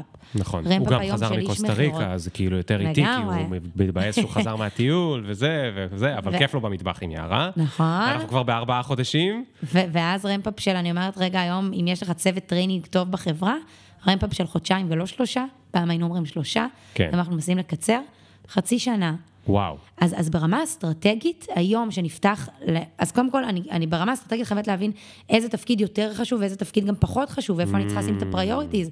מגייסת עובד היום, על, אני עובדת על 15 משרות. הבנות שלי היום עובדות על 15 15 משרות. משרות כאילו ביום זה, ביום זה, ברגע כ"א בחשוון, אני לא יודע איפה ברגע אנחנו. נתון 15 משרות. 15 משרות. התמונה הגדולה והאסטרטגית היא להבין באיזה משרות אני אשקיע אולי יותר זמן, איזה משרות אני מבינה, יש פה כסף. באיש מכירות יש כסף. אם כן. אני לא אגייס אותו ב- ב- בחודשיים ואפילו בחודש, וייקח לי פתאום ארבעה חודשים, אז אני עולה מחצי שנה לשמונה חודשים. כן. זה אומר שהדיל שהמנכ"ל שלי רוצה שייסגר כבר בינואר, ייסגר רק במרץ. כן. אין לחברה כסף, זה מה שדיברנו קצת, אמרת מה זה business. כן. זה ביזנס. להבין ביזנס. אין, אין לצוות שלם ראש צוות, כי הוא עזב, אבל, אבל, אני לא אבל מוצאת. יש לך לקוחות, והלקוחות זה המנהלים ומנהלות המ- המגייסות, והם כל היום באים ודופקים לך בדלת, לא? יערה, מה קורה עם המשרה שלי? יערה, מה קורה עם המשרה שלי? מה קורה עם המשרה שלי? מה זה דופקים בדלת? הם נמצאים לידי, אני אומרת, היום כבר אין דלתות, כמו מזל שאנחנו יודעים, שהזמנתי אותך הכל לרעיון פתוח. לפודקאסט, יש לך שעתיים בלי ה... ועדכנתי, הודעתי שאני שעתיים לא זמינה, זה לא קורה. אין דבר כזה שיערה לא זמינה בשעות העבודה. אז איך את לא נכנעת ללחצים שלהם? או שאת כן נכנעת אמ, ללחצים שלהם? לא, כי, כי אסטרטגיה זה אומר, לא משנה כמה ילחצו עליי ומי ילחץ עליי, אני הבנתי מה הכי חשוב. נכון. נכון? אבל אתה יודע, אבל קודם כל אנחנו בכל המובנים פותחים את הדלת לחלוטין, ואני, אחד הדברים הכיפים בתפקיד הזה, זה השיחות עם מנהלים, זה זה שכן מנהלים מגיעים ושואלים ומבקשים, ואפילו זה, זה הדברים שאנחנו בונים גם מחוץ ל, ל, ל, למשרה הזאת ספציפית. אה, אבל כן, זה מקשה. זה מקשה, אני יכולה להגיד שבתחילת הדרך זה מאוד מקשה. כי בתחילת הדרך מנהל שיש לו יותר זמן לגייס, מנהל שיגיע אליי יותר פעמים ביום, מנהל שיעבוד יותר מהר, גם אם המשרה שלו במרכאות פחות חשובה כרגע לביזנס, בגלל האינטנסיביות שלו, בגלל שהוא נמצא שם פיזית, אני כנראה אעבוד יותר קשה על המשרה נכון? שלו. אפילו לא במודע, פשוט זה- ככה זה יקרה, כאילו, בגלל שהוא כל הזמן אה, נכון, האיץ אותך. ובגלל זה התכ- התכונה הזאת של לראות את התמונה הכוללת, ולהיות בן אדם שהוא אסטרטג ויודע לשים, ולנהל את המערכות יחסים האלה, ולנהל את הזמן, ולנהל פריוריט, פריוריטיזציה, ולהבין מה חשוב, זה אחת התכונות הכי חשובות. כן. אה, בדיוק מהסיבות האלה, כי יש כל כך הרבה דברים מבחוץ שמנהלים אותנו, מנהלים את היום-יום שלנו, משפיעים עלינו, והרבה פעמים אנחנו צריכים לשים את הרעשי רקע האלה בצד. אה, ולמזלנו היום קצת עובדים מהבית, זה מייצר שקט באיזשהו מקום. לא דופקים לך בזום, בזה, מהמסך זה- מחשב, זה את יותר- זה שומעת את קשה, הדפיקות? זה יותר קשה. זה יותר קשה. אז זאת אומרת, את גם צריכה לעמוד בלחצים הפנימיים, התוך-ארגוניים. אה, אה, אני לא יודע אם אה, מותר לך לדבר על זה, אז את יכולה לענות באנונימיות, או אוקיי. כאילו זה לא יערה פה, לא יודע, או זה, יצא לך לריב עם מנהלים, כאילו בגלל זה? או לא יודע, מה זה לריב? להתווכח? אה, קודם כל, ברור שאני יכולה לענות על זה. אה, זה אוקיי. חלק... אה, אז יאללה. לא לא יודעת אם לריב, אני, אני גם אגיד, אפילו יש את המילה להילחם, הרי כמה פעמים אנחנו משתמשים כזה, אני נלחמת על מועמד, אני נלחמת על ה... כן. אנחנו, אני, אני, אני בסוף במלחמות כזה בתחושה האינסופיות, למרות שאני אני מנסה היום גם לצוות שלי להגיד, אנחנו לא נלחמים, זו מילה שאנחנו לא רוצים להשתמש בה, ואנחנו לא רוצים לריב, אבל יש קונפליקטים, תמיד. כן. אבל, אבל באיזה תפקיד אין, אני לא יודעת, כאילו אין תפקיד היום בעיניי, שביום-יום אין קונפליקטים, אין קונפליקט בין מפתח למנהל מוצר שהוא רוצה... ברור. יש קונפליקטים בכל תפקיד. אז יש גם קונפליקטים בגיוס, יש קונפליקטים בזה שאני חושבת שהתהליך צריך לעבוד ככה, והוא מאמין שצריך לעבוד אחרת.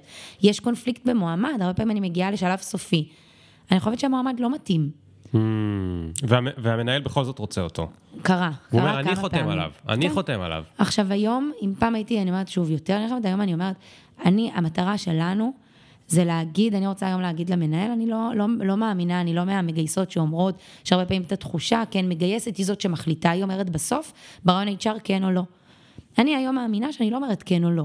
אני רוצה לתת למנהל את התמונה כמה שיותר בהירה, כמה שיותר כן, ברורה, כן. את כל הדגלים האדומים. אתה יכול להתמודד עם זה? אתה רוצה להתמודד עם זה? תגייס אותו. כן. אני אולי חושבת שאתה לא יכול להתמודד עם זה היום. כן. ו- ואת זה אני אגיד. הוא בסוף היום, וזה קרה לי, קרה לי לפחות על שלושה, זה, אני מדברת על אחוז מאוד קטן, כן? כן. דיברנו על מספרים. לא, אבל גם לי זה קרה. גם אני גייסתי אה, מישהי שמישהו ב-HR המליץ לי לא, אה, וגם הפוך קרה לפעמים, ולפעמים הם צדקו, אבל לפעמים גם לא. כי לפ... יש את הקטע הזה לפעמים שבאמת ה... האינטואיציה לא יודעת מה יקרה, או שסתם המקריות קרתה, ודברים השתנו נכון. בביזנס, פתאום כן הבן אדם הזה התאים. נכון. אה, אז את אומרת, כאילו, אני יכולה לשים לך את כל הדגלים, ולספר לך אם כדאי לך או לא כדאי לך לגייס אותם, אבל אני לא המחליטה, אתה מחליט, המנהל המגייס, אה, ואז את כאילו מחכה רק שהעובד הזה ייכשל ויהיה גרוע כדי שתצאי צודקת? לא. אה, לא, לא, כי בסוף. בסוף אנחנו, וזה ה... וזה גם העניין, קצת מה שאמרת, של אני, אני בסוף נפגשת עם ה... אני, אני מחר בבוקר כנראה עוד חודש אחרי הנוטיס, אני אראה את העובד הזה כל יום. אני אראה כן. אותו באמת במטבח. כן, ה- התחושה היא, זה, אני רוצה שהוא יהיה מרוצה. מועמד שלי, שהיה מועמד שלי, שהיה מעובד בסימילר ווב, שאני פתאום רואה אותו פורח, מתקדם לתפקיד ניהולי, מקבל פרס מנכ"ל אחרי שנה כזה של בתפקיד. אה, פתאום המנהל בא ואומר לי, יערה, את... אין, ליאור מושלם, מדהים, איזה כיף שגייסנו אותו. דברים כאלה זה מדהים. הרבה פעמים, אני יכולה להגיד גם שזה הפוך, הרבה פעמים שאתה בטוח בגיוס, שם הרבה פעמים יש, יש נפילות, כי לפעמים אתה לא מספיק מוכן, לפעמים אולי הרבה דברים ככה הצליחו, אני אומרת, במרכאות אומרת? מה זאת אומרת? יש מועמדים, שאמרת על הנייר הם מאוד טובים, עברו את התהליך מאוד בהצלחה. Mm, אוקיי. אמ, ו- והיו פחות גלים אדומים, ואז אתה הרבה פחות מוכן. כשאתה פחות מוכן, אה, אתה פחות מוכן לזה שנגיד הוא שאולי- לא יהיה מוצלח נכון, כמו שחשבת. שאולי- בדיוק. אוקיי. ושם הרבה פעמים, אני, אני מרגישה ככל שיש אפילו, לא מלא, כמובן לא באופן קיצוני, אבל שיש דגלים אדומים, שאנחנו דנים יותר במועמד, Mm, המנהל יותר מוכן. כן. בסוף מנהל צריך להיות מוכן, כי כן. אף אחד מאיתנו לא מושלם. לכולנו, אני אומרת כולנו, יש דברים שאנחנו טובים בהם יותר, דברים שאנחנו טובים בהם פחות. כן. כשאני יודעת להגיד למנהל, ליאור פחות טוב ב-XYZ, מההתחלה בוא נשים על זה דגש. בוא נצמיד לו buddy, בוא ניתן לו את הקורס הזה, ב onboarding, בוא תשים את ה... אז, אז רוב הפעמים זה יהיו הגיוסים המוצלחים. לא גיוסים שאמרתי, יאללה, ליאור מושלם, בוא נגייס אותו. כן. שם הרבה פעמים אולי יהיו אכזבות קטנות בדרך. כי גם הציפיות גבוהות, וגם כי את אומרת, לא דיברנו על, ה, על, ה, על הדמות שלו עד הסוף. תגידי, יש גם מנהלים מגייסים, מנהל מגייס, אמרנו את זה מיליון פעם, מקווה שהבינו מה זה אומר. מנהל מגייס זה אותו אדם שצריך את ה... מי שאת צריכה להביא לצוות שלו. נכון. אמרתי את זה מבלבל. נגיד אני ליאור, אני, יש לי תחתיי, כל הזמן משתנה בג'ולט, אז כרגע זה הצוותי product ו development. אני צריך מפתח, אז אני בא אלייך ואני אומר לך, יערה, אה, אני צריך שתגייסי לי, בבקשה, אה, מפתח. אה, אז אני נחשב המנהל המגייס. נכון. אוקיי? עכשיו את עובדת עם כמה, עשרה? עשרים מנהלים מגייסים? משהו, כן, אוקיי. סביב העשרה. אוקיי. סטטיסטית, יש אחד שאת לא סובלת, בסדר? יכול להיות, כנראה בכל חברה, ה-HRית, מתחברת לחלק מהמנהלים ולחלק לא מתחברת. עכשיו, את צריכה לגייס. זה לא נכון, חבר'ה, זה לא נכון. זה לא נכון בסימילר ווב. זה לא נכון כי בסימילר בסימילר ווב ווב. כולם מצוינים, ויערה אוהבת את כולם, אבל בחברה אחרת, אבל זה נכון, נקרא לה, נקרא לה. אה, אה, זה- אה, זה אני באמת- אוהבת- אני באמת אוהבת את כולם, זה בסדר, נשמע, אז, אז אבל בגלל זה הם גייסו בסדר. אותך. אבל בחברה אחרת, כמעט בכל חברה אחרת, קורה, בטח יצא לך לראות, שמישהי צריכה, או אחת מהבנות שלך עכשיו זה יקרה לה, המגייסות. היא תצטרך לעבוד עם מנהל. האמת, יכול להיות גם שהמנהל הזה הוא אחלה, אבל יכול להיות שהוא מתייחס אליה לא יפה. יכול להיות שהוא מזלזל בזמן שלה, או כן. אין לו סבלנות, או הוא לא עושה את מה שהיא אומרת, נכון? כי אתה מקבל הרבה שיעורי נכון, בית בתור אני- מנהל מגייס. לגמרי. צריך לעשות את זה, וזה, וזה, וזה, ואין לה זמן, והוא אומר לה, אני עסוק, וזה, פשוט תביאי לי את הבן אדם, מדבר לא יפה, whatever. עכשיו היא צריכה ללכת ולהביא אחלה בן אדם טאלנט למישהו ממש מעצבן. איך מתמודדים עם זה? אוקיי, אז אני רק אחליף את המילה לא סובלת, כן. לאינטראקציה מורכבת. יש מנהלים אוקיי, היום... It's complicated. נכון, כי לא סובלת, אני כזה, אני משאירה את המילים האלה אולי לחיים האישיים, וגם שם אני מנסה כזה ל... אוקיי, אוקיי. אבל אה, יש אינטראקציות מורכבות אחרי יותר. זה אנחנו גם נדבר על הריטריטים שלך כנראה. סתם, סתם. אמ, יש אינטראקציות יותר מורכבות וקשרים יותר מורכבים עם מנהלים, ויש מנהלים הרבה יותר פשוטים. יש מנהלים שיש איתם חיבור, יש לי מנהלים שאנחנו גם היום חברים מאוד טובים. אה, יותר קל, כי אני מכירה את הבן אדם גם מאוד טוב, וכבר אנחנו יודעים מה עובד בינינו ומה לא, ואיך לעבוד ביחד. כן. זה מדהים. יש מנהלים שלא, עדיין העבודה חייבת להתבצע. או את יודעת, יש מנהלים שהעבודות שלהם הן תמיד הכי נמוכות בפריוריטיזציה. והם כאילו, די, תראה, אני- כמה אני יכול להיות אה, זה, תמיד יותר חשוב את המפתחים, תמיד יותר חשוב את זה, אז אנחנו קודם כל. מנסים, אני, אני היום, המטרה שלי, אני זוכרת שבשנה הראשונה שלי, ה-VP finance אצלנו, אחד הדברים הכי מדהימים שהוא אמר לי, אה, זה שהוא תמיד מרגיש שהוא בעדיפות ראשונה אצלי. אה, שהוא תמיד ב first priority. באותו יום הוא ירד ב... באותו יום זה גם סתם, עד היום, עד היום הוא, הוא תמיד. אבל, אבל הוא אמר לי את זה, ואז אמרתי, אני עובדת על 20 משרות, גם בזמנו עבדתי באמת על הרבה משרות במקביל. אני עובדת על הרבה משרות במקביל, לא תמיד הוא first priority דרך אגב. אבל אני היום, המנהלים אצלי לא יודעים מי ומה. חלק מהאסטרטגיה זה לדעת לעשות את זה גם בצורה נכונה ואסטרטגית, גם למנהלים. בסוף אני לא רוצה לפגוע באף קשר או באף מערכת יחסים כזאת שבניתי, כי, כי יכול להיות שזה, שוב, זה משרה, כל המשרות חשובות, אנחנו רוצים לגייס, אנחנו רוצים לעמוד ביעדים, אנחנו רוצים להביא אנשים איכותיים לכל צוות, לא משנה לאיזה תפקיד. זה קודם כל השורה כן. התחתונה. היום מגייסת שהיא אסטרטגית, שהיא חכמה שיודעת לבנות את המערכות יחסים, מנהלים לא יודעים את זה. הם לא יודעים הם, הם, בא- באיזה מקום הם נמצאים. כי אני תמיד אתן להם את התחושה שאצלי הם, הם במקום ראשון, ו- וזו תחושה מדהימה, ואני רוצה לתת את התחושה הזאת, כי אם לא מתחילות להיווצר באמת מלא בעיות, או כל כן. מיני מחשבות כאלה שאנחנו לא רוצים להגיע לשם. אבל אנ- אנחנו יודעים מתי הגענו לשם. אני יכול להגיד לך מתי הגענו לשם, בלי להכיר את הפרטים. אוקיי. את מספרת שהיום יש לך שבע, ולפני כמה זמן היית אחת לבד? נכון, עד, עד לפני שנה. שנה הייתי אחת לבד. אז בשנה הזאת, מה זה אומר? שכבר לפני שנה כנראה היית צריכה ארבע, והיית לבד. נכון. והיית צריכה לאיזה... ואז הגיע הקטע שבו את הולכת למנכ"ל או ל-VP או לדירקטור, אני לא יודע מי מעלייך, director talent acquisition, ואומרת לה, תקשיבי, אין לי זמן לגייס את כל האנשים האלה, הם כולם כבר דופקים לי על הדלת, כבר דופקים, הם כבר בתור מאחורי הדלת שלי, כי אין לי זמן לגייס את כל האנשים האלה. אפילו אין לי זמן לגייס לעצמי, זה תמיד האבסורד שמגיע שלב. לעצמי, ואני לא מספיקה לגייס לעצמי. זאת אומרת, אז כנראה היה לך מאוד מאוד קשה. כשיש לך נכון. שבע זה יותר קל כבר. נכון. אז, אז קודם כל, אני, זה, זה באמת ניהול נכון גם של זמן וגם של משרות. רוב המשרות גם לא יימצאו באותו זמן. יש משרות שבאמת מצריכות באותו זמן מלא שיחות טלפוניות שלוקחות יותר זמן. יש כבר משרה שאולי היא בשלב חוזה. אבל זה לנהל נכון גם להגיד למנהל המגייס, יש לי היום פחות זמן, בוא נדבר מחר.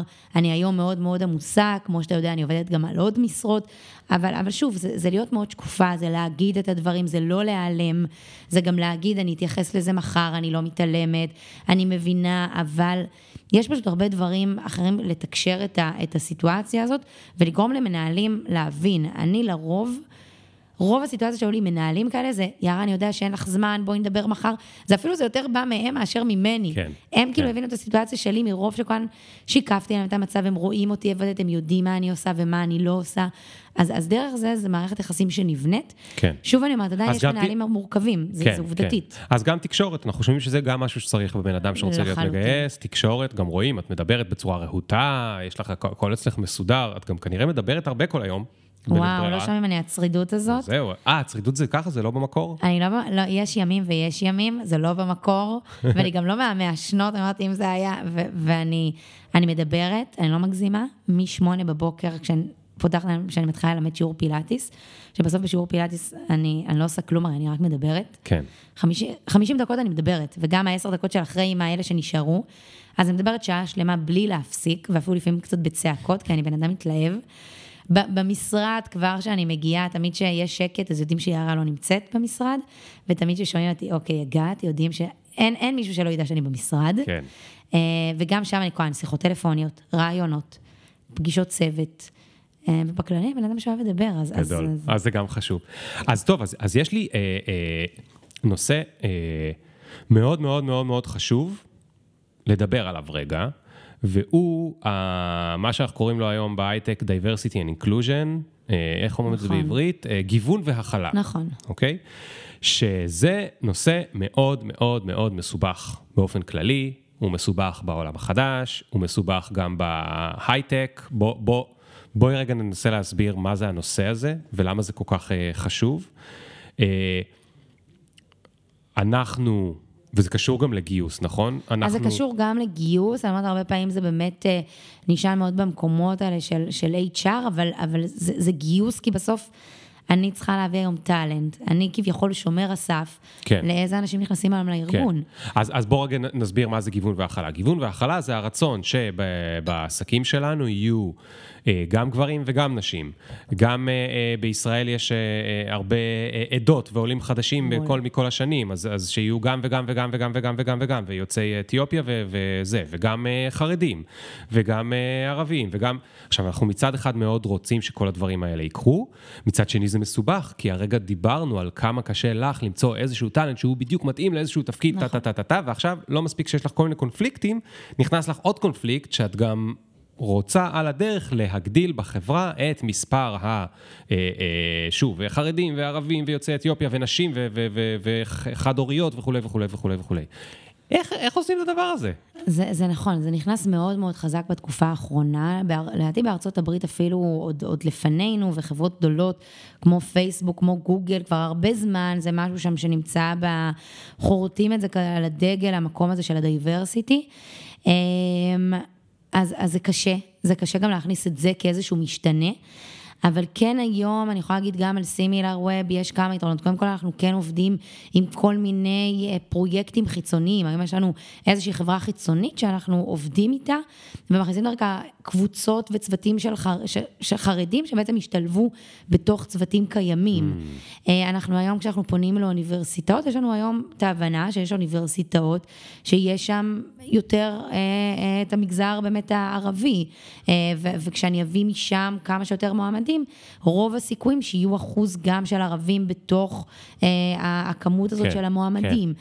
אז, אז אחד, אני גם יודעת אה, מתי ואיפה, אה, מאיפה לקחת איזשהו שיתופי פעולה אני יכולה לעשות. אה, אני יכולה להגיד שהיום נשים וגברים, די נהיה שוויוני לשמחתי בהרבה מקומות, כי הרבה, יופי. אצלנו זה די, באמת, לדעתי, בפעם האחרונה שבדקתי זה די 48-52, משהו כזה. מדהים. כאילו מאוד מאוד שווה בין נשים וגברים. אה, יש לנו שתי סמנכ"ליות, אה, יש לנו הרבה נשים בתפקידים מאוד מאוד בכירים בארגון. ו, ו, ואני חושבת שזה, גם יש הרבה מודעות, גם עם מנהלים, וזה מה שחשוב.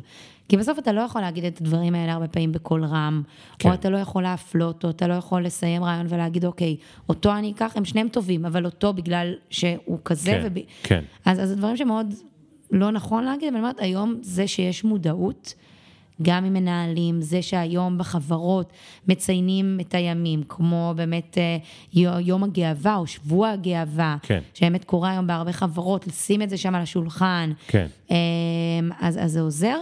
לעומת זאת, אני יכולה להגיד שכל היום קמפיינים של רפרל, הם קמפיינים שפעם היו שמים עליהם הרבה דגש, היום אתה מבין שקצת מקום יותר בעייתי. קמפיינים של רפרל זה אומר חבר מביא חבר. נכון, זה להביא חברים. כן. אה, כשאנחנו מביאים חברים, אנחנו מאוד משמרים, משמרים נכון, את אותו... נכון, בסוף כולם דומים לנו. כולם דומים. אז, אז הרבה פעמים אני הנה, רוצה... הנה, את מלמדת פילאטיס, אני לא עושה פילאטיס, אנחנו כמעט, כמעט אותו נכון, בן אדם. אותו דבר. אמ, אבל, אבל באמת הרעיון הוא, אני אומרת, זה גם להגביל היום את האחוז של חבר מביא חבר, כי אם, אם אני היום מביא 100 אחוז מועמדים, והיום מגישים כמעט בכל חברה, כי אנחנו מתוגמלים על זה, וכולם מתוגמלים על זה מאוד מאוד יפה, אז אני יכולה היום לגייס כמעט לכל משרה מחבר, ממישהו שעובד. כן, כן. מחבר מביא חבר, אבל היום אני מבינה שאם אני אעשה את זה, אני אפגע בדייברסיטי. כולם יראו אותו דבר מחר בבוקר, כן, אנחנו כן. לא רוצים את זה, אנחנו רוצים כן. להביא אנשים חדשים, אנשים ממגוון מקומות, עדות, רקעים, נכון. גם יביאו הרבה פעמים רוח חדשה, אנרגיה חדשה, תפיסה חדשה. אה, זה היום-יום שלנו. אני חושב שזה גם קצת לא פייר לשאול אותך, כי בסוף את כאילו נמצאת במרכז של הקונפליקט. ואני רוצה רגע לעשות משהו שאף פעם לא עשיתי, פשוט ראיתי בדיוק את uh, רועי נכנס, השותף שלי, מנכ"ל uh, ג'ולט רועי דויטש. אני רוצה לבוא, אני, אני אקרא לו לפה רגע, ואני אשאל אותו את השאלה הקשה. יאללה, אנחנו נשמח. אני קצת אדפוק אותו, הוא לא, הוא לא מוכן לא. לזה, חכי שנייה.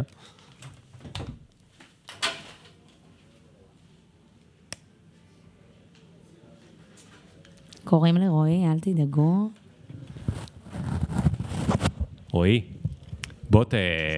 אני הולך להתקיל אותך קצת, אני יודע שאתה לא מפחד מהתקלות, איזה- פרצוף אה, מפוחד.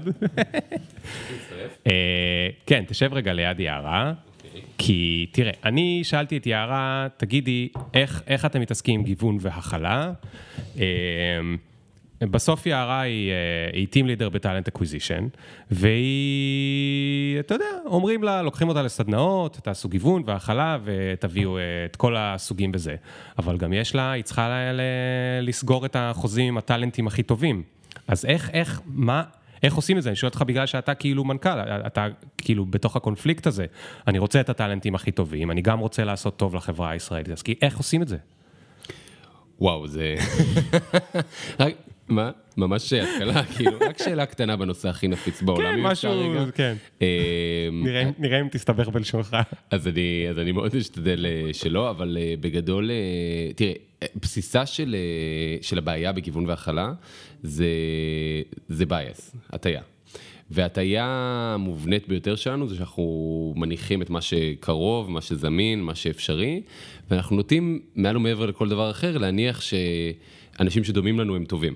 כי אנחנו, כל אחד הוא גיבור בסיפור של עצמו, ועכשיו, בגלל אה, סוגים שונים של הסללה, אה, גם בחברה הישראלית וגם בחברות אחרות, יוצא שסוג האנשים שמגיעים להקים חברות או להיות אה, מנכ"לים, הם more often than not גברים לצערנו, הם more often than not, בוא נזהר בלשוני, מגיעים אה, ממעמד סוציו-אקונומי מסוים, משירות כן. צבאי מסוים. כן. אני, אתה יודע, הם גם קשה- גבוהים כמוך. קשה, אגב, סטטיסטית הם גבוהים. נכון. קשה וקשוח לומר ש, שהרבה פעמים גם, ה, גם הייצוג העדתי הוא לא מתחלק ב, באופן שווה, אז, אז אה, בטח, בטח, אה, אז אנחנו מדברים על מגדר, אוריינטציה מינית, מוצא, עדה, אה, גובה, שירות צבאי, המון דברים שאתה לא שולט בהם. אה, יסוד הזאת פשוט מייצרת מצב אה, ש, שכל הזמן משמר את אותם אנשים. עכשיו, זה... אני אקביל את זה למשהו אה, שקורה לנו כל הזמן, אנחנו נתקלים בבן אדם שלא מדבר את השפה שלנו, נגיד עולה חדש, ואפילו שאנחנו אנשים מאוד מאוד נאורים וליברליים, עולה, עולה איזשהו אינסטינקט, אתה, אתה רואה את זה לפעמים כשאנשים מנסים לתקשר משהו ל... לא יודע, ל, ל, לבן אדם שלא מדבר את השפה שלהם, ו, וכאילו הם, הם לא רק מפשטים את הדרך שבה הם מדברים כדי שיבינו אותם, יש פתאום איזה, איזה התנשאות, כן. או הנחה כאילו הבן אדם פחות חכם. עכשיו, זו הנחה מאוד מאוד מטופשת, קל לנו מאוד לראות אותה, כאילו זה שבן אדם, אה, שהוא, בן אדם אחד מדבר, אה, אתה יודע, אם היית לך נתקל בלאונרדו דה וינצ'י, אז אה, הוא, כן. הוא לא היה מדבר עברית, והוא גם לא היה מדבר אנגלית. נכון. אבל הוא עדיין הבן אדם הכי חכם שאי פעם חי. כן. וכנ"ל כנראה ששלמה המלך לא, לא היה מבין כל כך בקלות אה, עברית מודרנית. כן, או יודע לכתוב אימייל בהייטק. או, או, או אנגלית. אז אני אומר, יש אה, הנחה שמי שלא מדבר את השפה שלנו, או מי שלא נראה כמונו, הוא לא טוב כמונו. והדבר הראשון שאני כל הזמן אה, אה, שם אה, לנגד עיניי, דווקא בתור מי שנמצא אה, אה, במקום הזה של, של צריך להיות באיזושהי מודעות לפריבילגיה, צריך להיות מודע שאני בתוך הקבוצה הזאת ש, שמקבלת הזדמנות יותר טובה, וצריך להיות מודע לזה שהטיה קיימת, והמודעות היא הדבר הראשון והחשוב ביותר. אם אתה לא מודע לזה שיש לך הטיה, אם אתה לא מודע לזה שאתה מניח, אתה יודע, אני רואה את זה המון אצלך ליאור, למשל, שאתה כותב, וכל מה שאתה כותב אה, על מנהל, אתה כותב מנהלת. כל מה שאתה בא לספר סיפור על מנכ"ל, אתה כותב מנכ"לית. וזה מראה שאתה, יש לך מודעות להטיה הזאת, שאתה אומר, וואו, עלה לי לכתוב עכשיו על מנהל, ועולה לי המילה מנהל, זה הטיה. כן. כי אני רוצה לכתוב על מנהלת, אני רוצה באמצעות המודעות, באמצעות השפה, להנכיח את ה- את הדבר הזה. זה היה נורא כיף בפודקאסט, כי כל הזמן אמרתי מגייס במקום מגייסת, כי אצל המגייסות זה ההפוך. נכון, וזה באמת דרך לשבור את, ה, את הדבר הזה. אז אני אומר, הדבר הראשון זה מודעות כבר בראש הארגון. הדבר השני, זה להכניס את, ה, את המודעות הזאת לכל הדרגות בארגון, לעשייה היומיומית, להפוך את זה, זה, זה חייב להיות הנושא האחד שהוא טאבו. כלומר, אני בעד לדבר על הכל ובאותנטיות ותקשורת כאילו פתוחה אה, בסטארט-אפ זה מאוד מאוד מהותי, אבל זה חייב להיות נושא שהוא טאבו מוחלט, אה, והיום זה גם מאוד מאוד למזלנו. רגע, מה זאת אומרת טאבו? שאני לא מוכן לשמוע הומור בנושא הזה, אני לא מוכן אה, ל- לראות אווירה של, אה, של אנחנו פה כי אנחנו יותר טובים מאנשים אחרים. חייב להיות כאילו בדבר הזה טאבו. עכשיו לדעתי בעניין הזה אנחנו במקום מאוד טוב בהיסטוריה, והוא מאוד חדש, שזה נהיה טרנדי, זה נהיה אופנתי. והיום כולם מדברים על, על גיוון והכלה, ומי שלא כבר אפשר ממש להתייחס אליו קצת ב, כמיושן, וזה לדעתי השלב של כל מהפכה שהוא הכי כיפי. כאילו, אתה יודע, זה כבר, זה כבר מיושן אה, ולא אופנתי. כבר לא צריך להוכיח שזה נכון, נכון, אבל אנחנו בשלב של הקשה ליישם את זה. נכון, ו- ומפה עוברים לשלב היישום, ובשלב היישום אה, זה החלק הכי קשה, כי אתה אשכרה צריך to practice what you preach. אנחנו עכשיו למשל, אה, בג'ול זה אחת המשימות הגדולות שלנו, אה, לקדם את עניין הגיוון וההכלה בהייטק הישראלי, ואנחנו בונים עם איגוד תעשיות ההייטק הישראלי איזושהי אה, הכשרה שתעבור בחינם לכל אה, ארגון שירצה, על אה, מודעות לבייס והיכרות עם אוכלוסיות שונות וכן הלאה, כדי להכניס את זה מודעות. השאלה שמיד עולה אחרי זה, אוקיי, סבבה, מודעות. איך הופכים את זה לפרקטיקה, ופה יש המון המון המון אה, אה, דברים שצריך לחפש אותם. מה הכוונה לחפש? למשל, ב... אני אקח את ההטייה הקלה ביותר של נשים ב... במחלקות פיתוח. נכון? יש, אה, כמה נשים יש אצלכם במחלקת אה, פיתוח, באחוזים? אז זהו, אז נראה לי גם אמרתי שאצלנו זה בפיתוח עצמו פחות, אני מנסה לחשוב באמת באחוזים.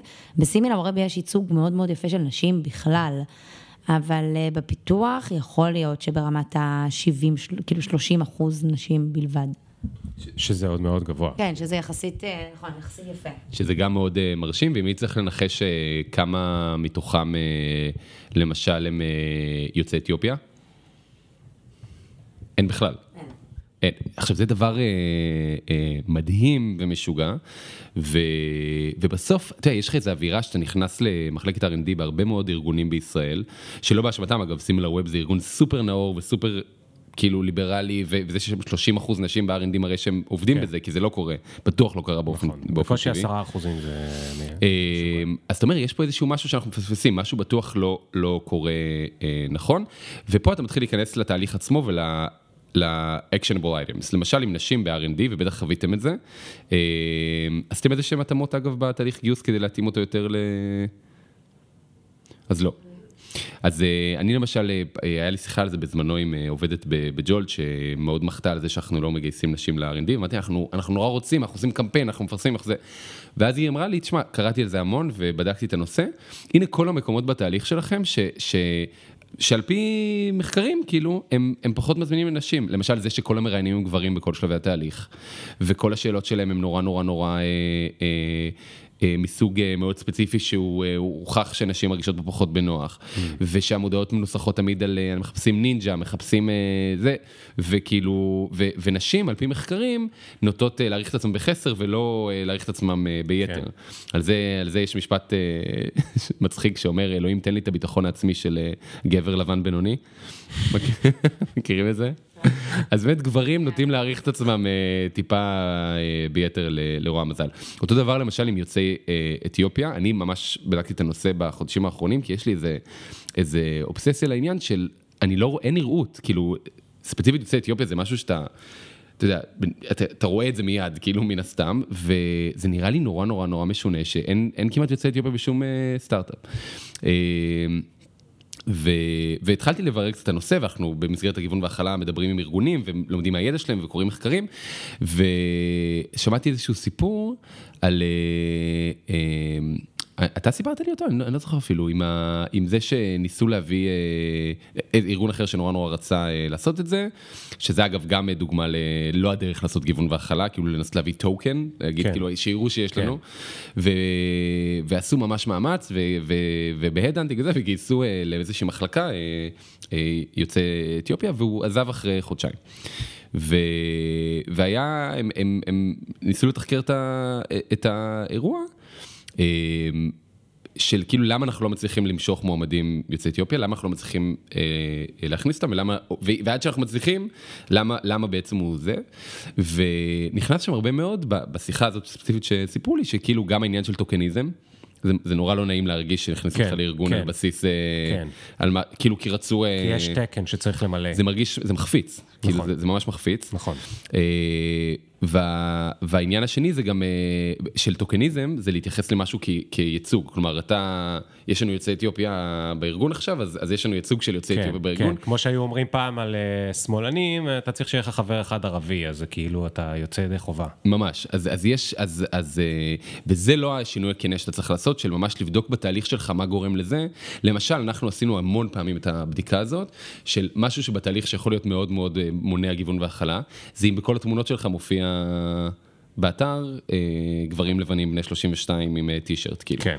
נכון? ו, ומשהו שמאוד מאוד... אה, תמיד באתרים שלנו שיש את, את כל המרצים, אז אנחנו דואגים שזה יהיה מגוון, ו, ו, ו, ונשים וגברים, ו, ו, ובכל הצבעים והגוונים והגילאים גם. ממש, ואתמול עניין. נתקלתי, התביישתי, אתמול נתקלתי במודעה שפרסמנו לפני כמה שנים, אה, מודעת דרושים, לפני חמש שנים, כאילו היינו הרבה פחות, אה, אה, עם הרבה פחות, אה, עם הרבה יותר. שיער מהיום והרבה פחות מוח, אה, והיה שם ממש אה, שדה חובה של באיזה יחידה שירתת בצבא.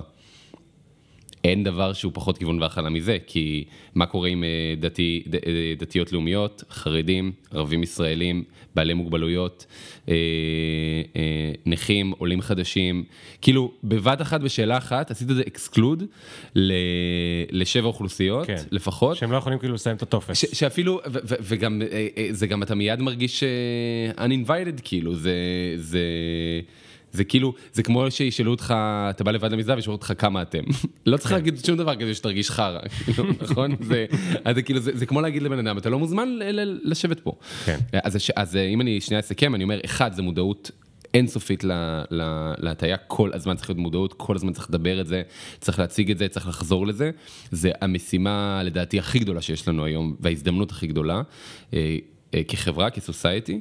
אה, והדבר השני זה לחפש באופן אקטיבי בתהליך, מה, וזה, אין, אין ברירה אלא... ל- אה, בת... בתוך התהליך עצמו, זאת אומרת, מהמודעות דרושים ועד הטופס ועד הרעיונות ועד כאילו מה שקורה בתוך התהליך. נכון, ואותה אה, אה, מגייס אה, או מגייסת, אותו ארגון שרוצה באמת להגדיל את הגיוון וההכלה שלו, צריך ממש לח- להכניס את עצמו לנעליו של, ה- של המועמד או המועמדת, ו- ו- ולשאול את עצמו האם זה, האם זה מזמין, וב- ובתהליך יש, הדברים הקשים ביותר הם אלה שקורים בחדר סגור שאתה לא נמצא בו. כי פתאום כשאמרו לי אז את העניין הזה, על ה- ש- שאותה עובדת אמרה לי את העניין הזה של התהליך לא מזמין לנשים, היא, היא תיארה לי שהחוויה שלה בריאיון עם מחלקת ה-R&D, היה שהגיעה לריאיון עם ה-VP R&D ועם, אה, ועם אה, אה, עם ראש צוות, והיא אומרת, בסוף לי הייתה תחושה שאני יושבת בחדר חקירות עם שני גברים, כאילו, ש, שבלי להתכוון הם אה, כנראה... אה, יש להם איזושהי אה, תחושת מועדון סגור, כאילו, כן. ש, שמאוד מאפיינת את מחלקות ה-R&D בהרבה ארגונים. אה, ואנחנו אפילו לא חושבים על זה. אני מבחינתי, נכון. עשינו את השיווק היה אפשר מגניב. פשוט להכניס עוד אישה לחדר. למשל, או לא לעשות פגישה בבית קפה. ולא להכניס כאילו, אה, אה, או, או שלא יהיו שני גברים אה, שמראיינים בבת אחת, או, ולא או, בנוסף, שיהיה את המודעות הזאת, שכשאני סיפרתי את הדבר הזה לאותם אנשים במחלקת ה-R&D, הם היו נורא נורא מופתעים, המידע היה חדש להם. כי גם עכשיו שאמרתי לך את זה, פתאום אתה אומר, כן. וואי, בחיים לא הייתי חושב על זה לא, גם אני שכאילו... יודע במי מדובר, והם בסך הכל אנשים חמודים, הם לא גברים כן. סקסיסטים מפחידים. לגמרי. כל הצדדים במקרה הזה הם כאילו מספיק אה, awake ו- ו- כן. ויודעים לדבר ויודעים לייצג את הרגשות שלהם כדי, כדי שנדע נגיד על המקרה הספציפי הזה ונגיד וואי איזה טמבלים אנחנו ברור שצריך לתקן את זה אבל כמה מקרים כאלה קורים שאתה לא יודע כמה עובדים עזבו ו- ולא ידעו אפילו לשים את האצבע על מה גרם להם להרגיש לא מוזמנים ל- לארגון שהם כן. עובדים בו ו- ומותר לי עוד אה, משהו קטן? כן, אחרון. אחרון. ממש אחרון. אחרון חביב. הדבר האחרון זה שחייב להיות בבסיס העניין הזה, וזה לצערי לא המקום שאנחנו נמצאים בו עדיין, אה, כי, כי זה, זה, זה תוצר ישיר של, של תחושת אנטייטלמנט שיש להרבה מאוד אה, ארגונים, אה, וזה צריכה להיות הנחת היסוד שיש אנשים טובים אה, מאוד, אה, בכל... in every walk of life, כאילו בכל סוגי האוכלוסיות, בכל סוגי הערים, בכל המצבים הסו- הסוציו-אקונומיים, בכל היחידות בצבא, אין לאף אחד מונופול על האנשים הטובים. היתרון וההזדמנות שאנחנו עכשיו נמצאים בה, בהיסטוריה, זה שבגלל שפשוט נגמרו האנשים, אה, ועדיין צריך לגייס עובדים, אין ברירה אלא להתחיל... להתחיל לחפש איפה שלא רגילים לחפש. בדיוק. ואז אני מקווה שהדבר הזה, אם נהיה מספיק מודעים אליו, יאפשר לכל הארגונים אה, פתאום לקלוט כמה הם פספסו אה, וכמה באמת יתרון יש, איך לכל אוכלוסייה ולכל בן אדם יש את היתרונות שלו ואת, ה, ואת ההזדמנות שלו ואת הדרך לפנות אליו. ואני רואה כבר עכשיו שארגונים מתחילים ל, ל, ל, לרדת מהעץ ולהתאים את הדרך שבה הם מדברים, את הדרך שבה הם מגייסים, את ה, אפילו, אתה יודע, בעקבות הקורונה אפילו אימהות. פתאום כאילו פעם אה, מי שהייתה מפחדת לשאול אם היא יכולה לצאת להביא את הילדים מה... כן. היום אתה אפילו לא שואל את זה, ברור שאני שולט בזמן שלי. כן. וכאילו אני אצא ואכנס כן. מתי ש, ש, שנכון לי כאילו. אז, אה, אז זה דווקא הזדמנות חיובית שאנחנו נמצאים בה. טוב רועי, אני, אני מחזיר לעצמי את אה, יערה, תודה רבה רבה רבה רבה, ואני מקווה שעשינו לך בייס ובזה שדיברת על זה כל כך הרבה מול המיקרופון, אתה עכשיו תהיה חייב בעצמך לעשות עוד יותר אפילו ממה שאתה כבר עושה. אז תודה רבה רבה. מהמם. אה, מסכימה, מהמם, ומסכימה באמת עם, אה, עם הרבה דברים ש, שרועי ככה אמר פה, ו, ו, ואני מרגישה שגם בגיוס, אני יכולה להגיד אצלנו, יש, כמו שהוא אמר, המודעות קיימת, והיא קיימת היום, אני מרגישה... אה, בכלל, גם כי, כי באמת, אני אומרת, במרכאות נגמר הטאלנט, כמו שאמר, אבל לא רק בגלל זה. ו, ועדיין יכול להיות שלכל, בטוח לכל חברה ולכל מי ששומע אותנו עכשיו, יש עוד הרבה מה לעשות, ואני אומרת גם כנראה לסימילר ווב, כדי באמת להכווין לעוד הרבה אוכלוסיות אחרות כן. שנמצאות כן. או לא נמצאות. כן. זה נורא קשה, אתה כאילו, ב, אתה במרוץ המטורף שלך, ויש לי uh, במשרות נפתחות, ואני צריכה לסגור אותן, וטה טה טה טה טה טה טה טה, ואז מדי פעם אנחנו צריכים איזושהי תזכורת, כאילו, יש עוד דברים, לגמרי. יש עוד ערכים, יש עוד uh, זה, אנחנו, כמו שאמרת, כולנו, כולנו קודם כל אנשים.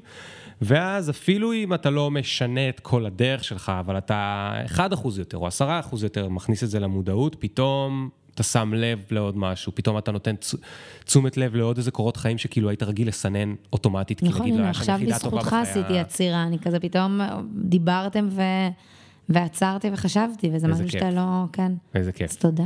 תודה לך. אז יערה, באמת תודה לך על uh, שעה וחצי אנחנו כמעט, איזה כן, יופי. כן, אני רואה מדבר ואני רואה את הזמן ואמרת איך זה עבר, אני דאגתי. לא, אני הבטחתי לך שזה ירגיש כמו חמש דקות. Uh, אנחנו נסגור את זה אחרי זה, אבל אני אשמח להיות uh, מגייסת בצוות שלך, אני לא יודע אם יש משרות פתוחות, כי די התאהבתי פה במקצוע הזה. Uh, הוא נשמע גם uh, מאתגר, מאוד מאוד מהנה. Uh, הוא גם נשמע של... הוא יכול להתאים להרבה מאוד אנשים. את מכירה את זה שהרבה אנשים אומרים, אני טוב באנשים, אני לא יודע מה אני רוצה לעשות. חבר'ה, אני לא יודע אם אתם יודעים, חסרות מגייסות. חסרים מגייסים. מגייסות, ג'ולט עושים עכשיו קורס של... אי אפשר, של... אה, נכון, אנחנו, אנחנו גם עושים קורס, אחת הסיבות ש, ש, שגם הזמנתי אותך, כי רציתי לשמוע, כי רציתי להבין על מה אנחנו עושים קורס לעזאזל, באמת, נכון. לא ידעתי. לא הבנתי בזה. מדהים, זה, לא זה, איזה בזה. כיף לדעת שעושים קורס למגייסות כי חסרות... אה, לא, כי אנחנו, מה שקורה זה שאנחנו מדברים עם חברות כמו שלכם, ואתם אומרים לנו מה חסר לכם, ואז אנחנו אומרים, אוקיי, אז למה אין בזה קורס? בוא נעשה בזה קורס. זה כאילו, זה, זה, כזה, זה כזה קל. זה, אה... חברה אג'ילית, אתם, זה משהו, ג'ולט. לא, זה, זה, זה באמת, זה באמת אה, זה, וזה נכון. מדהים.